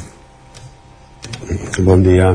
Um, Diguem-ne que m'enfronto a la calor tirant gerres d'aigua freda. Ah, molt bé. Uh, a veure, a veure intent, intentarem, intentarem que no sigui excessiu, que el bany no sigui excessiu. Hem, efectivament, eh, hi ha un estudi del Banc d'Espanya, ho direm a tall de titular, eh, seria l'alça de tipus d'interès eh, eixampla la, la bretxa de la desigualtat. Tampoc és descobrir la, la, la sopa d'all, no. però el que fa el Banc d'Espanya, aquest estudi és uh, un, estudi que fa periòdicament sobre la situació financera a les llars i a les empreses, al Banc d'Espanya, i el que fa és, és posar dades, eh, aquest, uh, aquesta um, realitat, eh, aquest, aquest eixamplament de la, de la bretxa de la desigualtat que, que està provocant l'alça dels tipus d'interès. Mm, com, com, com a dada més rellevant que dona aquest informe, que és un informe que es va presentar el mes de juny fa un... no, no, no, no, no, no arriba a fer ni un mes eh, i que es refereix a dades de 2022 eh? encara, bueno, el 2022 diguem-ne que era quan, quan la inflació estava més desbocada i els tipus d'interès no estaven tan alts com, alt, com ara però diguem-ne que marcava la tendència no? Doncs, abans de la combinació alcista dels preus i de les hipoteques, eh, que, que, és el que, que, que és el que ha passat, diguem-ne, amb, amb aquest temps, puja la inflació i com que pugen els tipus d'interès també ho fan les hipoteques, doncs, abans que passés això, un 7% de les llars de l'estat espanyol, les dades són referides a l'estat espanyol, no arriben al detall per, per poder donar dades catalanes en aquest cas, eh, però un 7% de les llars de l'estat espanyol tenien dificultats per afrontar amb els seus ingressos les despeses essencials despeses essencials, eh? alimentació, eh, subministraments, eh, etc. Aquestes despeses purament essencials, el, el, el, el mateix habitatge, etc. No? Passat el primer any en el qual, mm, eh, a partir d'una anàlisi qüestionable, eh, que ho hem dit moltes vegades aquí, eh, sobre els motius de l'encariment dels preus, el Banc Central Europeu va començar a, a, a, a, va posar en marxa la seva política d'alça dels preus dels tipus d'interès, eh, probablement aquest mes encara tindrem notícies en aquest sentit, eh, doncs aquest percentatge ha crescut, eh, del 7%, eh, segons l'informe del Banc d'Espanya, ara ja hi ha a l'Estat un 9% de famílies que tenen més despeses que ingressos, eh? eh aquestes despeses essencials superen els ingressos que, que, que, que, que obtenen. Eh, que un percentatge a vegades és una mica fred, estaríem parlant de 1,7 milions de llars no és poca cosa no, no, no. la meitat d'aquestes famílies a més no dis és per gens de, cosa, de poca cosa i dic que la meitat, la meitat d'aquestes famílies eh, si estem parlant de 1,7 milions 800.000, unes 850.000 llars mm, no disposen d'estalvis per poder cobrir aquesta diferència és a dir, no arriben a final de mes i no tenen estalvis per anar, per anar mm, per, per anar pal·liant això. Això voldria dir, en, en una situació normal, que passa amb això és que has de demanar crèdits, i si has de demanar crèdits per poder pagar aquests crèdits que són més cars encara la, la cosa es posa molt És, més és anar demorant, el, anar demorant el deute, diguéssim, no? Ah, efectivament. Sense- sense mai poder-hi I arribar. de- Després, expli- des, després explicarem una mica eh, què, què, què està passant també amb, amb, amb, amb això dels crèdits i tot això. Eh, doncs això, no disposen d'aquests estalvis per cobrir la diferència i mm, a, a la llum d'aquestes dades no és difícil concloure que l'augment combinat dels preus i dels tipus d'interès està arruïnant les, les llars amb menys ingressos. Eh? Per tant, per això dèiem que aquesta bretxa de, de la desigualtat s'està eixamplant. Uh, al principi d'aquesta temporada, al setembre, eh, com, com que avui tanquem temporada, diguem-ne, doncs fem, fem una mica eh, i hem fet gairebé un gir de 360 graus, eh, perquè estem allà mateix. Eh, doncs, um, al setembre ja hi havia clares advertències que aquests serien uns mesos de dificultats. Eh, parlàvem del dolor eh, que havia utilitzat per ser exactes, el president del, de la Reserva Federal dels Estats Units, Jerome Powell, um, um, ell advertia que durant els mesos següents hi hauria molt dolor. És dolor el que senten les famílies a les quals s'incrementava el compte del supermercat al mateix temps que ho feia el rebut de l'hipoteca eh? Mm, i per tant dolor sobre les famílies més desafavorides algunes dades aporten llum a aquest dolor. Eh? L'any 2020, abans de la pandèmia, l'any de la pandèmia, eh, amb preus estables i una relativa protecció que va permetre l'eina dels expedients de regulació temporal de l'ocupació, eh, llavors cèlebre ERTO, uh -huh. les llars més desafavorides destinaven un 55% dels seus ingressos a béns bàsics, alimentació i subministraments com llum, aigua i gas, i aquesta xifra s'incrementava fins al 79, fins- fins al 79% si també s'incluïa la despesa en, en, en hipoteca o lloguer. Uh, 79% dels ingressos, eh? Uh, Quedem-nos amb, amb aquesta dada. Uh, actualment, uh, la despesa per cobrir allò que es considera essencial arriba al 87%. 87% eh, de despesa. El 13% restant mm, eh, queda per mm, altres despeses no tan essencials roba, oci, viatges roba no és essencial i vaja. per aportar Vens vestit cada dia, vull clar, dir. bé, és, sí, pots, pots, posar, passa, pots, posar pedaços eh? això Està ho feien quan érem petits ens Sí, posaven sí. pedaços al genoll eh? doncs um, i dèiem, i per aportar un, un concepte quimèric eh, en aquest context que seria estalvi uh, i ara explicarem el tema de l'estalvi eh, no és difícil concloure que la responsabilitat d'aquesta situació s'ha d'atribuir a l'escassa repercussió de l'encariment dels costos dels productes essencials sobre els salaris. Eh? Eh, és a dir, per, per, per dir-ho d'una manera menys complicada, diguem-ne que l'increment de costos mm, és superior a l'increment dels salaris mm, per, per, per, per dir-ho cau i no? um, de fet aquest diferencial entre inflació i sou s'ha anat eixamplant entre crits d'alerta dels sectors empresarials i, de, i dels seus curistes um, que els increments salarials només contribueixen a fer més gran la inflació hem, hem sentit, ho hem sentit a dir molt eh? diu, no, no podem pujar els sous perquè això fa pujar la inflació ha estat a llums d'aquesta interpretació que el diferencial entre salaris i inflació a l'Estat va ser el més elevat de la Unió Europea. Això va passar l'any passat. La pèrdua de poder adquisitiu s'avaluava en un 5,3%, diferent del 3,9% d'Alemanya o del 2,2% d'Itàlia. De, de nou, les llars més afectades per aquest diferencial van ser les més desafavorides. Um, tot plegat, a més, um, amb interpretacions alternatives expressades pel Banc Central Europeu. Eh? El Banc Central Europeu no és sospitós, deu ser un altaveu de postulats de- d'esquerra radical, diguem eh? No. Doncs deia que en els últims mesos els beneficis empresarials han influït més sobre la inflació que els costos salarials.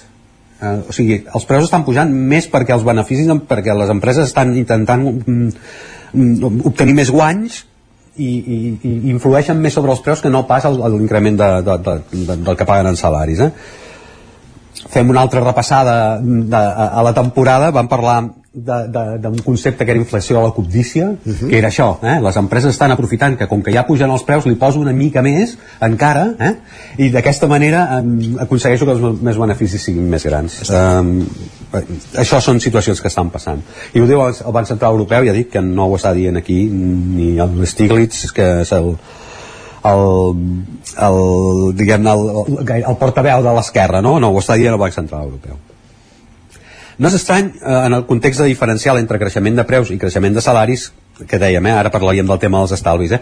doncs això, la capacitat d'estalviar s'ha reduït de manera molt notable um, durant els temps de la pandèmia s'atribuïa la dificultat de gastar eh? tot estava tancat, el creixement dels diners que els espanyols en general havien aconseguit estalviar, eh? estaven uh, amb, amb nivells d'estalvi els més alts de la història Uh -huh. El vent va canviar i no va ser únicament perquè reobrissin els locals i la gent es llancés a gastar com si no hi hagués un demà, um, sinó que van venir un temps de creixement de preus per motius més complexos que aquest, eh? de, de, de que la gent anés a comprar com si no hi hagués un demà, dèiem. El fet és que mentre el període de pandèmia l'estalvi espanyol va arribar a situar-se, que et dèiem, eh, nivells històrics per damunt del 15%, eh, 15% de la renda bruta disponible, és a dir, tot allò que ingresses un cop has pagat impostos i cotitzacions socials, això és la renda bruta disponible. Doncs un 15%. Actualment està per sota del 7, eh? per tant, diguem-ne que s'han cruspit eh, un 60% de, un 60% dels estalvis que hi havia com a combinació de l'efecte del creixement dels preus, dels, de, de preus, dels tipus d'interès i de l'escàs estímul a l'estalvi que fan les mateixes entitats bancàries. Una altra dada del Banc Central Europeu. Els fons dels clients en, en dipòsits estan remunerats un 79% menys a l'Estat que a la mitjana europea és una dada que també eh, és, és, és important tenir en compte no? el resultat és que la taxa d'estalvis actual ja és inferior a la que hi havia abans de la pandèmia eh? ens ho han crospit tot i, i no ha de resultar cap sorpresa l'estalvi perdut durant aquest temps prové principalment una altra vegada més de les rendes més baixes les que estan sotmeses amb, amb, amb uns ingressos, si no menors, sí que almenys inferiors al creixement de les despeses recurrents que tenen, no? Diguem-ne, no, els, els preus els sous es pugen menys que els preus, diguem no? Um, amb els mateixos ingressos han hagut de pagar més al supermercat, més per tenir un sostre, i per poder cobrir aquesta diferència han hagut de tirar d'aquests estalvis, i això és una de les qüestions que, que, que, que han passat en aquest temps. No?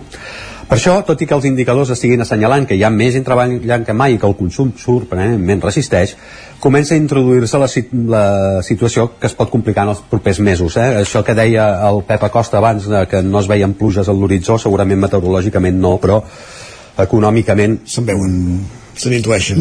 No, sí, es, es, es, comencen a aparèixer núvols, eh? I no. això ho diu el mateix Banc d'Espanya i també l'AIREF, eh, l'Autoritat Independent de Responsabilitat Fiscal, que també arriba a la mateixa conclusió. El Banc d'Espanya conclou en el seu informe sobre les llars i les empreses que l'impacte dels creixements de preu dels productes i de les hipoteques o lloguers sobre les famílies més vulnerables eh, poso cometes, eh, podria recomanar la introducció de mesures de política econòmica focalitzades a donar suport a aquest col·lectiu.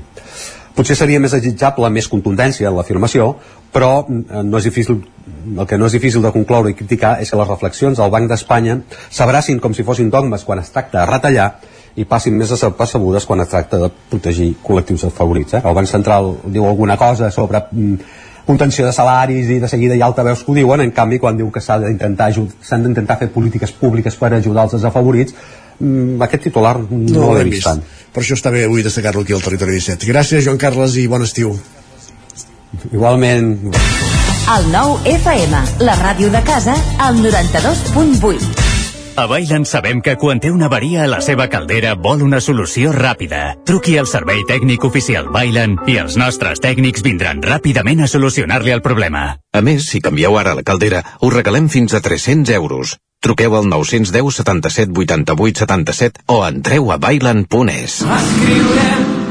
Aquest estiu vine a viure el Festival Macroclima a Camprodon. Miqui Núñez, Blaumut, Helena Gadel, Missima, Pau Ballvé i molts més us esperen en un entorn immillorable. També concerts pels més petits amb Siula i Damaris Gelabert, l'humor de Quim Esferrer i una àmplia oferta de gastronomia de la vall. Compra ja la teva entrada i vine a Camprodon a gaudir del macroclima. Si tens pensat canviar la caldera o posar aire condicionat, posa't en mans a Pradell. Tenen les millors ofertes. Pradell instal·la calderes de biomassa, calderes de condensació, aire condicionat tant per a particulars com per a empreses.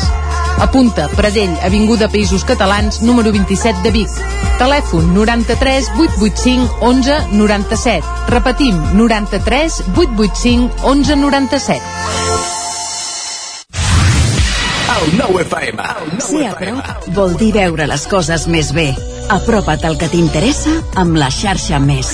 La teva plataforma audiovisual de qualitat, proximitat i gratuïta. Gaudeix dels continguts de més de 30 televisions locals i podcast quan, com i on tu vulguis. Entra a la xarxa més.cat i descarrega't l'app. Cocodril Club. Si t'agrada la bona música dels anys 60, 70 i 80, escolta el 9 FM als matins de dissabtes i diumenges d'11 a 1. És el temps del Cocodril Club, tot un clàssic de la ràdio, amb les bases del pop-rock, les llegendes, les cançons que s'han convertit en autèntics himnes. Recorda, dissabtes i diumenges al matí, d'11 a 1, al 9 FM 92.8. Cocodril Club, el programa revival de l'Albert Malla. Hasta luego. Bon dia, són les 9 al Territori 17. La Miquel Parella. Cada matí i durant dues hores t'acompanyem i et posem al dia de l'actualitat de casa nostra. Potenciant així l'autonomia Per aquest cas me la peça el taler si no... Si Cursos per feminitzar el pensament masculí.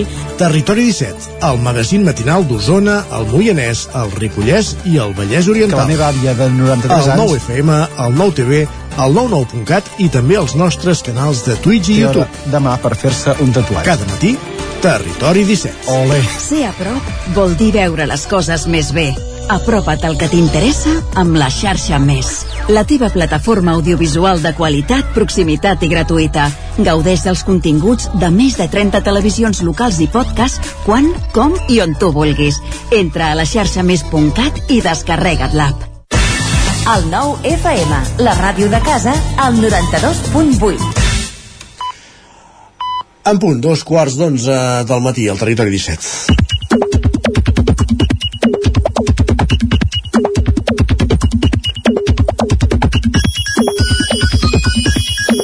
I ja sabeu que a dos quarts d'onze del matí al Territori 17 és sinònim de saludar en Guillem Sánchez, eh, qui retrobem avui un dia més als estudis del 9FM per repassar el més destacat que hem trobat a Twitter. Bon dia, Guillem. Bon dia, bon dia, què tal? Com estàs? Doncs vinga, una mica acalorat. Com portes la calor? Com ho portes, això? Malament, de moment malament, però si ara al costat del lloc de la feina tinc un ventilador o alguna cosa així, jo crec que mira, fins a les 12 podrem treballar, a partir de les 12 ja ho veurem. El que- he descobert aquests dies és que la, l'aixeta de la pica de, del lavabo de casa és perfecta per posar-hi el cap a sota. Doncs vinga, vinga, i no cal dutxar-se. I, I no cal dutxar-se. De tant en tant sí. Va, no sé si la gent que ens escolta està de vacances o està treballant encara i de fet no sé si amb aquesta calor què és el millor si està a casa mort de calor, està a la feina mm, això no ho sé. Escolteu que ens escriu l'Oceana en aquesta època de l'any, ens diu, diu? tinc els peus en aigua amb gel per poder treballar perquè encara no he sigut capaç de decidir quin ventilador em comprava, diu, ni ho confirmo ni ho desmenteixo no, no sé si aquí a la feina ens deixarien estar amb un cubell d'aigua amb una mica de, de gel per poder treballar, però si ho està fent des de casa potser és una cosa que es pot plantejar Coses pitjors he vist. i tant. Va, si teniu calor no sé si dir que una de les solucions és anar a la platja. No ho sé. Allà vigileu amb tot i amb tothom, com ens diu la Laura, que ens escriu, i aquesta necessitat que tenen algunes persones quan van a la platja de col·locar les tovalloles just a tocar dels altres, diu, i no, d'entre tots els que hi vaig veure ahir, cap Ereguiri. Sí, això no ho entenc. això de no sabem mantenir la distància Amb, amb, amb la cosa... mà de sorra que hi ha. Sí, amb la mà de sorra que hi ha i amb la mà de platja.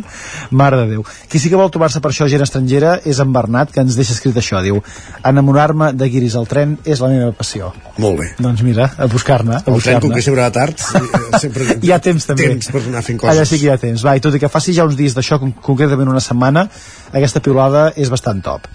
Diu, qui ha anat de Vic a Santander perquè avui toca Mius i havia reservat un apartament coquíssim prop de la platja on no dormirà mai perquè va fer la reserva pel 4 de juliol del 2024 Va ser l'Eli Pinyol i ja la vam convidar la Sí. setmana passada a, a tornar el 4 de juliol del 24 a Santander, que sempre s'hi està bé, home. i tu Isaac ets més de platja o de muntanya? Uh, jo el que em costa molt és rebossar-me la sorra, francament. La perquè el següent, el següent usuari vol trobar això i ens diu on s'amaga la gent que prefereix un estiu de rutes per muntanya i llacs en comptes d'anar a la platja Què vols dir on s'amaga? entenc que està buscant gent que vulgui anar a la muntanya amb ell ah, doncs i que vulgui compartir temps a això, lluny de les platges i lluny de la gent que se rebossa N'hi ha molta. doncs deu ser que no en troba, que no en troba gaire. No busca, no busca bé. i és que com dèiem abans la platja és un entorn a vegades una mica perillós. De fet ens escriuen avui a la platja hem hagut de recordar a una colla de nois que fer rondos entremig de la gent que pren el sol no és gaire bona idea. Diu, sols ho hem dit després de rebre quatre cops desafortunats de pilota Encara, encara com ha arribat el segon. per això, per això et deia quatre potser són molts, no ja? Sí, exacte. Va, i tant si aneu a la platja com si no, atenció amb la recomanació de la Margalida. Escolteu bé, diu, la recomanació per altes temperatures és beure més aigua, diu, no més cerveses. Mm? D'acord, en, en, en, prenem nota. Prenem nota. Va, i parlant de beure, a veure si entre tots podem ajudar en Roger, que ens deixa escrit per Twitter avui. Algú sap on puc aconseguir un aguantagots per quan vas de festa major? Això en venen en algun lloc? Aguantagots? Què vol dir? Allò que, o, o, Aquella peça plàstica o com allò, sigui per allò, poder... Allò típic dels tastos de vins que et penges al coll. Correcte. Si no és tan fàcil com fer un forat amb un got de plàstic, no? I penjar-hi una... Per exemple. Un cosill, no? També, exacte. Va. Això, això ho he vist més sovint, sí. Va, i no sabem encara si a les festes majors de què parla en Roger també ens hi portarà en Bru amb cotxe. Aquests dies està nerviós, diu. Tenia zero expectatives de provar l'examen de conduir i ara crec que l'aprovo a veure què tal la nota.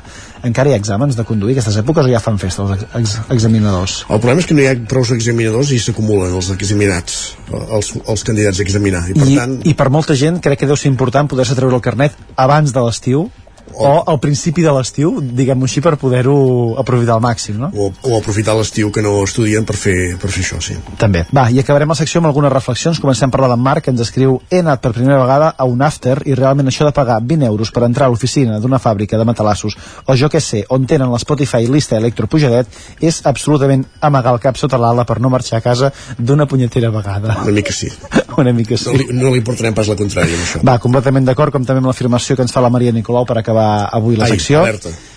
Diu, una de les coses que fan gran a Pla, n'estic convençuda, són les converses al bar. Tots hauríem de tenir una tertúlia de capçalera amb habituals i espontanis a un bar de iaios. Eixamplen el cervell i l'esperit. Tota la raó. Tota la raó, i a més amb el, el bar s'hi poden fer aigües, cerveses, també i el que, i el que faci falta per, per passar millor una mica la, aquesta calor. Perfecte, Miquel Àngel, moltíssimes gràcies. Va, que vagi Miquel. Àngel, t'he dit, eh, Miquel? Àngel. T'anava a dir Joan Carles, en fi. El que, el que convingui, el que És la, convingui. és la calor, Guillem. Vinga, Ens vagi demà. bé. Adéu-siau.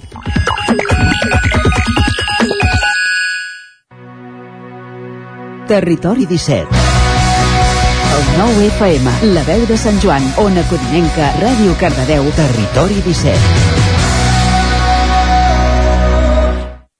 Ara mateix 5 minuts i mig que passen de dos quarts d'onze del matí és moment del racó de pensar al territori 17. El racó de pensar a Territori 17. I ja sabeu que el racó de pensar al territori 17 és cosa de la Maria López, aquí ja saludem els estudis de Ràdio Televisió Cardedeu. Benvinguda Maria, bon dia. Molt bon dia, Isaac, com estàs? Molt bé, avui sé que ens portes una cosa, una continuació d'un projecte del qual ja hem parlat, que és l'Ona Ah, ODS exactament. i que té una segona part. Ah, exactament, té una segona part i bé, ens volem enfrontar d'alguna manera en aquest últim racó de pensar de la temporada, precisament deixant pel final un projecte del que les emissores que fan aquest eh, programa Territori 17 en formem part i que d'alguna manera engloba molts dels temes que tractem setmana rere setmana al racó de pensar. Es tracta d'un projecte que marcarà d'alguna manera l'agenda dels nostres mitjans els propers mesos, però també dels nostres municipis, perquè aquest cop, aquest any, tenim una tasca important com a motors del canvi de la societat. Avui us volem parlar del projecte ODS Comença per tu, aquesta nova campanya, una campanya que a nivell de tot l'estat espanyol aglutina a més de 300 mitjans locals, amb l'objectiu de compartir iniciatives, bones pràctiques o projectes que vagin encaminats a la millora del desenvolupament sostenible i a apropar-nos cada cop més als objectius de l'Agenda 2030. Es tracta d'un projecte molt ambiciós i que per fer-se possible ha requerit de l'unió de quatre grans socis que representen mitjans locals de diferents territoris de l'Estat. D'una banda, Amuga, com a representant dels mitjans locals de Galícia, EMA, Associació de Mitjans Locals d'Andalusia, la REM, com a representant dels mitjans comunitaris de tot l'Estat i Radio Televisió Cardedeu amb la xarxa com a representants dels mitjans de Catalunya. Tots quatre coordinen al seu territori aquest gran projecte que, com dèiem, aglutina a més de 300 mitjans locals en una plataforma multilingüe. Per explicar-vos una miqueta més què suposa aquest projecte i com incidirà en els nostres municipis els propers mesos, avui ens acompanya en el racó de pensar, d'una banda, en Guillermo Botó, coordinador del projecte AEMA, Associació d'Emissores Municipals i Comunitàries d'Andalusia. Bon dia, Guillermo. Buenos días, Guillermo. Oh, hola, ¿qué tal? ¿Cómo estáis? Hola María, encantado. Buenos días. Ens acompanya també en Paco, ell és coordinador del projecte a la red de medios comunitarios. Bon dia, Paco Aguaza. ¿Cómo estás? Buenos días. Buen día, María. Pues encantado de estar con ustedes. Com sentiu, el Paco el tenim a l'altra banda de la línia telefònica i ens acompanya també des d'una mica més a prop la Susana Cabiscol. Ella és la coordinadora del projecte a Catalunya. Bon dia, Susana. Hola, bon dia. Bon dia a tots tres i si us sembla anem a explicar una miqueta més perquè tots els oients que seran municipis precisament eh, on s'incidirà els propers mesos amb aquesta nova campanya, de què va tot això que podran d'alguna manera percebre en els seus municipis. Guillermo, desde EMA habéis sido además impulsores del proyecto. No sé si nos puedes contar un poquito más de dónde nace esta iniciativa, porque ya es el segundo año, eh, como decía Isaac al principio, que unís fuerzas y que además el resultado de esta unión se puede visitar en una plataforma de contenidos, ¿no es así? Sí, es así, María. Sí, efectivamente llevamos ya más de más de un año y medio trabajando juntos, todos los socios que has mencionado ahí en la introducción. Eh, y el proyecto, pues, trata de incidir sobre todo en eh, los ODS, es decir, la Agenda 2030 y dar a conocer eh, los retos que suponen, los desafíos que suponen y pues a través de muchos contenidos audiovisuales, radio, de podcast que hemos ido elaborando todos los todos y todas los socios del proyecto a lo largo del, año pasado, ¿no? Eh, como producto, como elemento esenciales de, esta estrategia, eh, efectivamente montamos entre todos esta plataforma que se llama que se llama sonandolocal.org, es una plataforma de tipo mm, video a la demanda, ¿no? Un poco como los que hay en día de Netflix, HBO, etcétera, pero con la distinción de que son contenidos producidos desde los medios locales con eh, y que tratan de, las temáticas relacionadas con los con la sostenibilidad entre entre comillas no es decir con el futuro que queremos con la sostenibilidad eh, y las temáticas esenciales para nuestro nuestro porvenir común y todos estos contenidos pues se pueden eh, visitar, visualizar, escuchar en esta plataforma Sonando Local de manera gratuita, evidentemente. Eh, y bueno, pues el reto ahora se ha lanzado hace pocos meses, con lo cual pues estamos arrancando con el camino de esta plataforma, pero la idea es seguir eh, alimentándola de contenidos producidos desde todos los medios, eh, los medios locales del Estado español. Entonces, pues en cuatro idiomas, evidentemente, y, que puedan cubrir pues temáticas tanto como la emergencia climática, como eh, las cuestiones de género, como mm, la, calidad del, del, empleo, la justicia social, solidaridad, etcétera, ¿no? Con lo cual es un, es un desafío y ahí estamos todos juntos y juntas en esto. Part de la gràcia, dèiem, d'aquesta plataforma és precisament que és multilingüe, o sigui, podem trobar continguts, com ara també ens deies, en castellà, en gallec, català i euskera. Eh, ¿Yo puedo consumir de alguna manera contenidos en gallego y seguirlos perfectamente? ¿Cómo se gestiona esto? Pues sí, claramente. Se, se, la, la, en la plataforma misma hay los contenidos que eh, según el idioma están, eh, están indicados en cada, en cada pieza audiovisual o sonora, de tal manera que el usuario pueda decidir él mismo o ella misma si quiere escuchar o ver un vídeo o un audio en el idioma que desea, ¿no? Con lo cual es muy fácil de uso Em, y al fin de cuentas, pues eh, la idea es que pueda ser accesible a todos y todas y que pueda abordar temáticas tan variadas eh, como pues todas las especificidades locales que tenemos en el territorio español. Yo creo que lo interesante es tener la perspectiva de lo local hablando de estas temáticas tan globales, ¿no? Y de eso creo que es el valor añadido de esta plataforma, porque claro, estas temáticas suelen abordarse a nivel mm, global, a nivel general, qué pasa en tal estado, en tal país, etcétera, pero lo interesante es ver eh, iniciativas, proyectos, eh, problemáticas que existen desde lo local y es lo que pretende esta plataforma. Y por tanto tiene que ser en todos los idiomas que se hablan eh, en el Estado español, porque hablando de problemáticas y de, y de elementos locales, tiene que ser transmitido en, en el idioma mismo de, de donde surge, ¿no? Por eso, por eso ese, ese, ese aspecto. Paco Aguaz, a través de la línea de teléfono, tú coordinas el proyecto dentro de la Asociación de Medios eh, Comunitarios. De entrada, para aquellos oyentes que quizá el, concepto de medio comunitario no acaben de conocerlo, en Cataluña somos pocos los medios comunitarios. No sé si puedes explicar un poquito eh, qué tiene de peculiar eh, o de diferente un medio gestionado de forma comunitaria y si crees que por esencia el tipo de medio de alguna manera ya está históricamente más ligado a este tipo de contenidos. Eh, sí, bueno, eh, respondiendo a lo último, no solo este tipo de contenido, sino también a, cómo proceder y no solo a la producción de contenido, sino a, la propia intervención y transformación social de los territorios donde están insertados los medios. Bueno, explico lo que a mi entender es un medio comunitario, eh, son medios de comunicación que, que sitúan a la ciudadanía, es decir, a, a las personas, tanto como sujeto individual como sujeto colectivo, como protagonistas. Eh, como protagonistas ya no solo de, de, los contenidos que se producen eh, y no solo como hacia quién se dirige esos contenidos, sino también en la propia producción de, dichos contenidos, tanto sean informativos como de entretenimiento. Eh, es decir, eh, requiere un medio comunitario, requiere la implicación y la participación de la ciudadanía en la producción y también en la gestión del medio.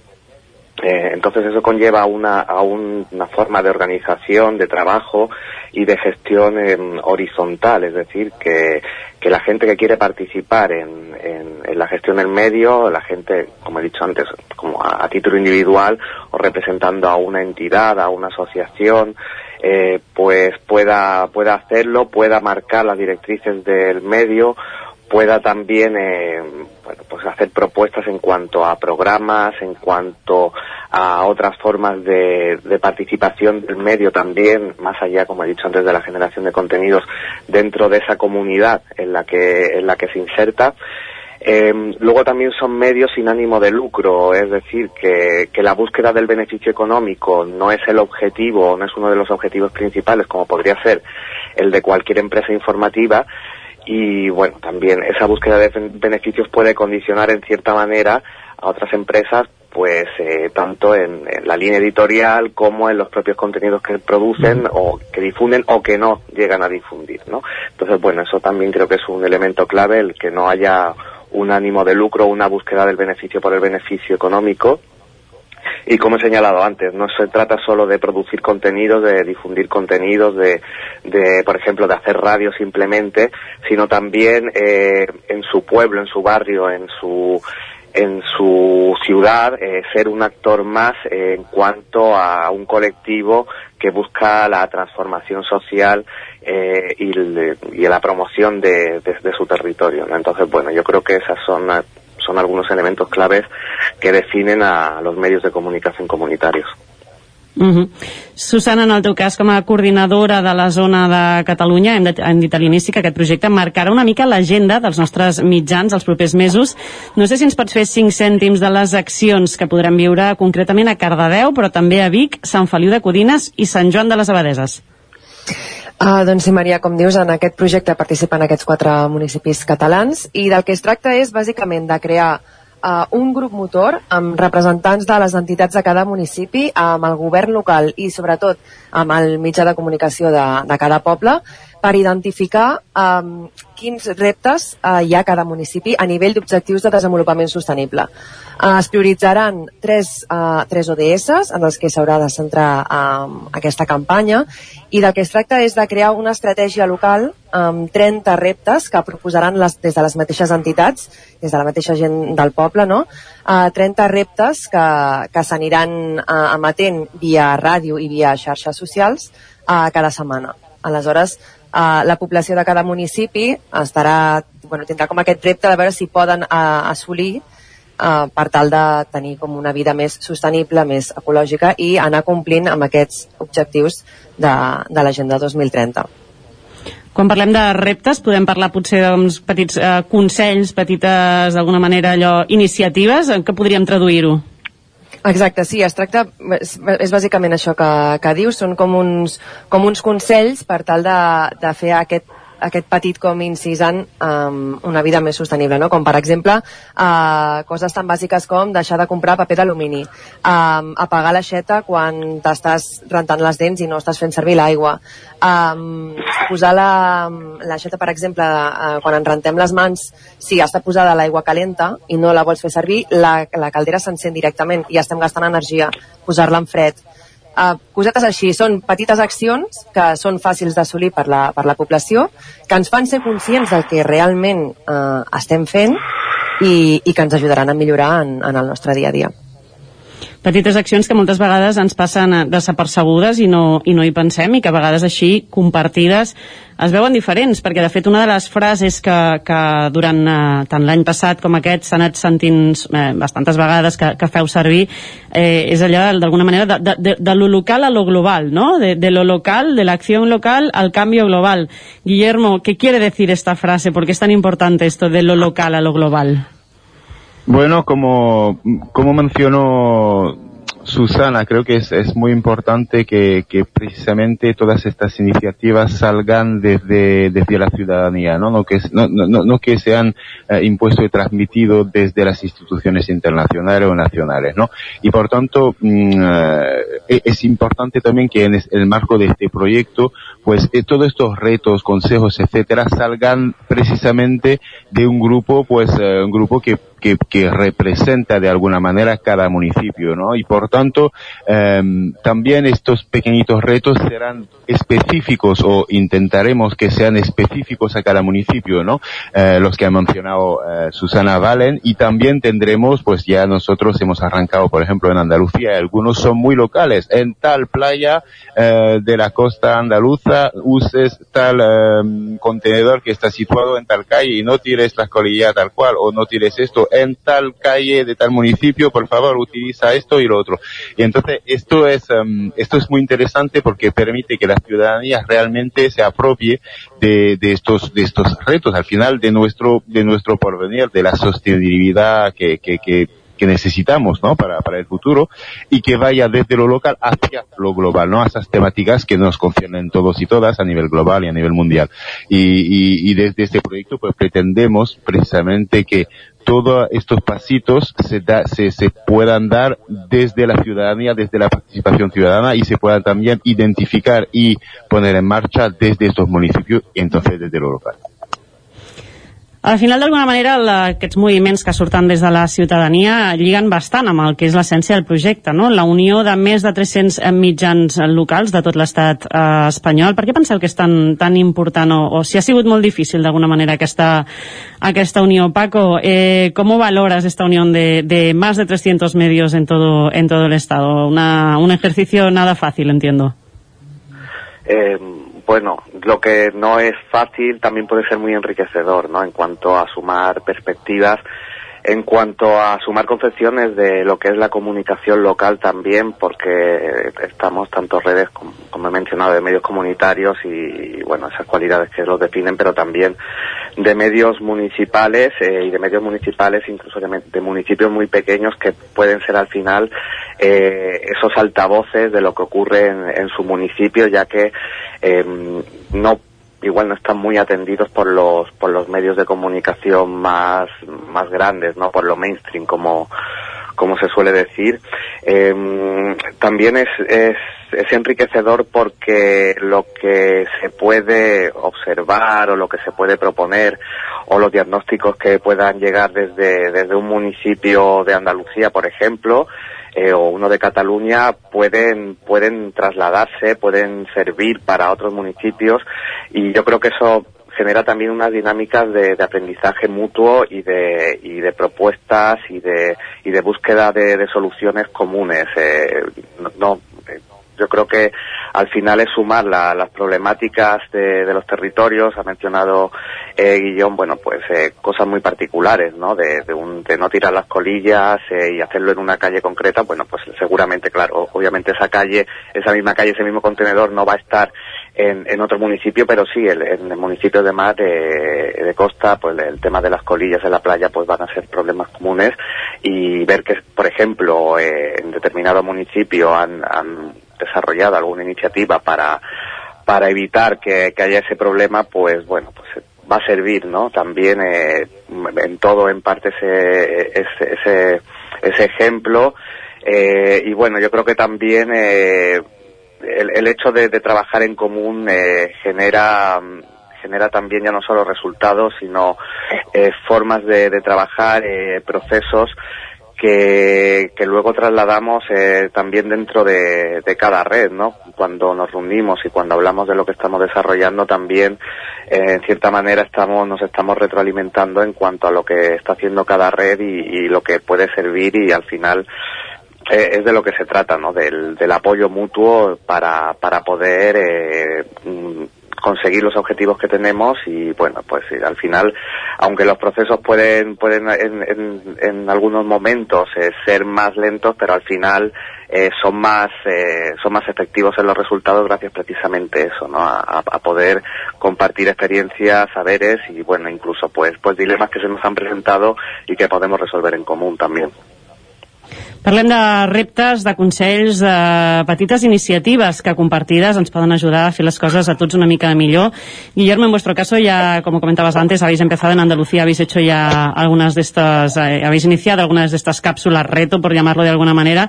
No sé si hay alguno de estos eh, pequeños consejos, porque seguro que hay muchos que son habituales, que en realidad los sabemos, pero no acabamos de llevarlos a la práctica, pero seguro que también han salido retos curiosos o más desconocidos. No sé si te has encontrado con alguna práctica, iniciativa, consejo que hayas dicho, mira, ni siquiera lo conocía, ¿no? Que igual pasa más desapercibido. Pues mira, sí, sí. Por ejemplo, hace, hace muy poco teníamos en el Grupo Motor, en el seminario de, de que, que constituido por los gobiernos locales, entidades, asociaciones, eh, emisoras, los que identifican y seleccionan estas, estas retos, estos consejos.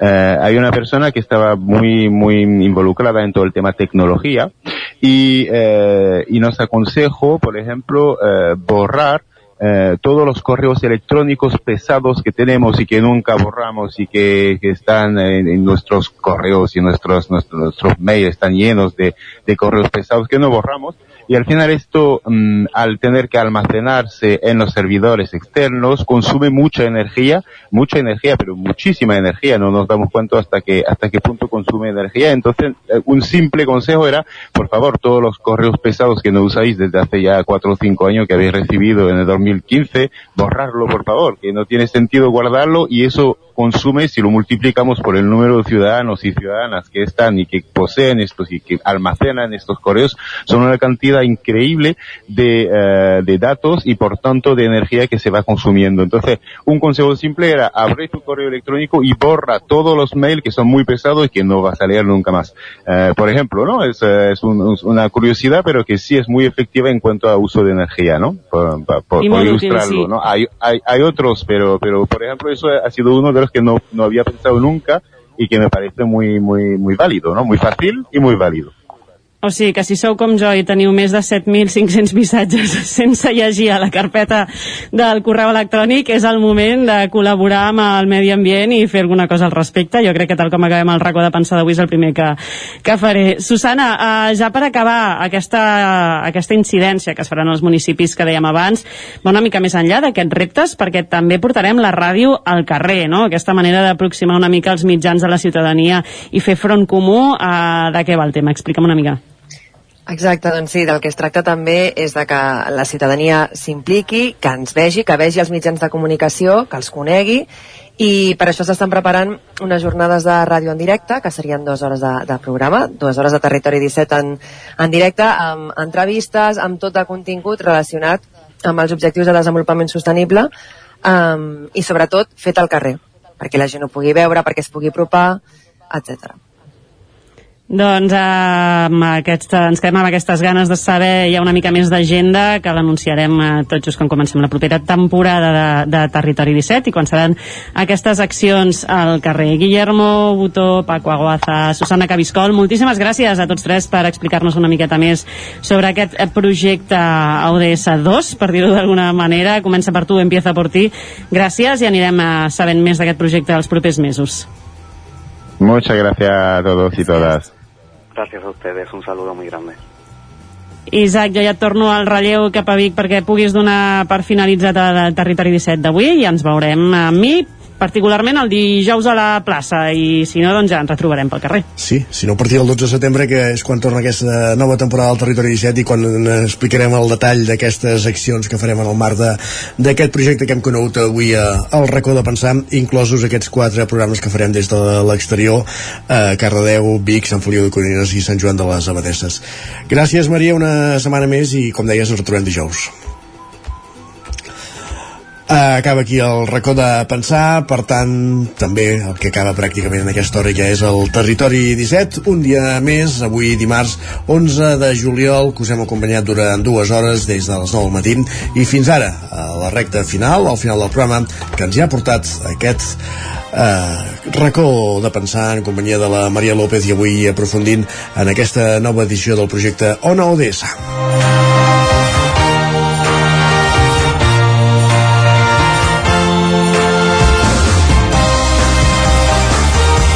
Territori 17 que com dèiem començava a les 9 i en el qual us hem acompanyat des de les hores Roger Rams, Rosa Gurí, Pol Grau, Isaac Montades, Pepa Costa, Joan Carles Arredondo, Guillem Sánchez, Maria López, Sergi Vives i Isaac Moreno. El Territori 17 hi torna demà, dimecres, a partir de les 9 del matí. Fins a les hores, tothom a vigilar amb la calor. Gràcies per ser-hi i fins demà a les 9. Adéu-siau, bon dia.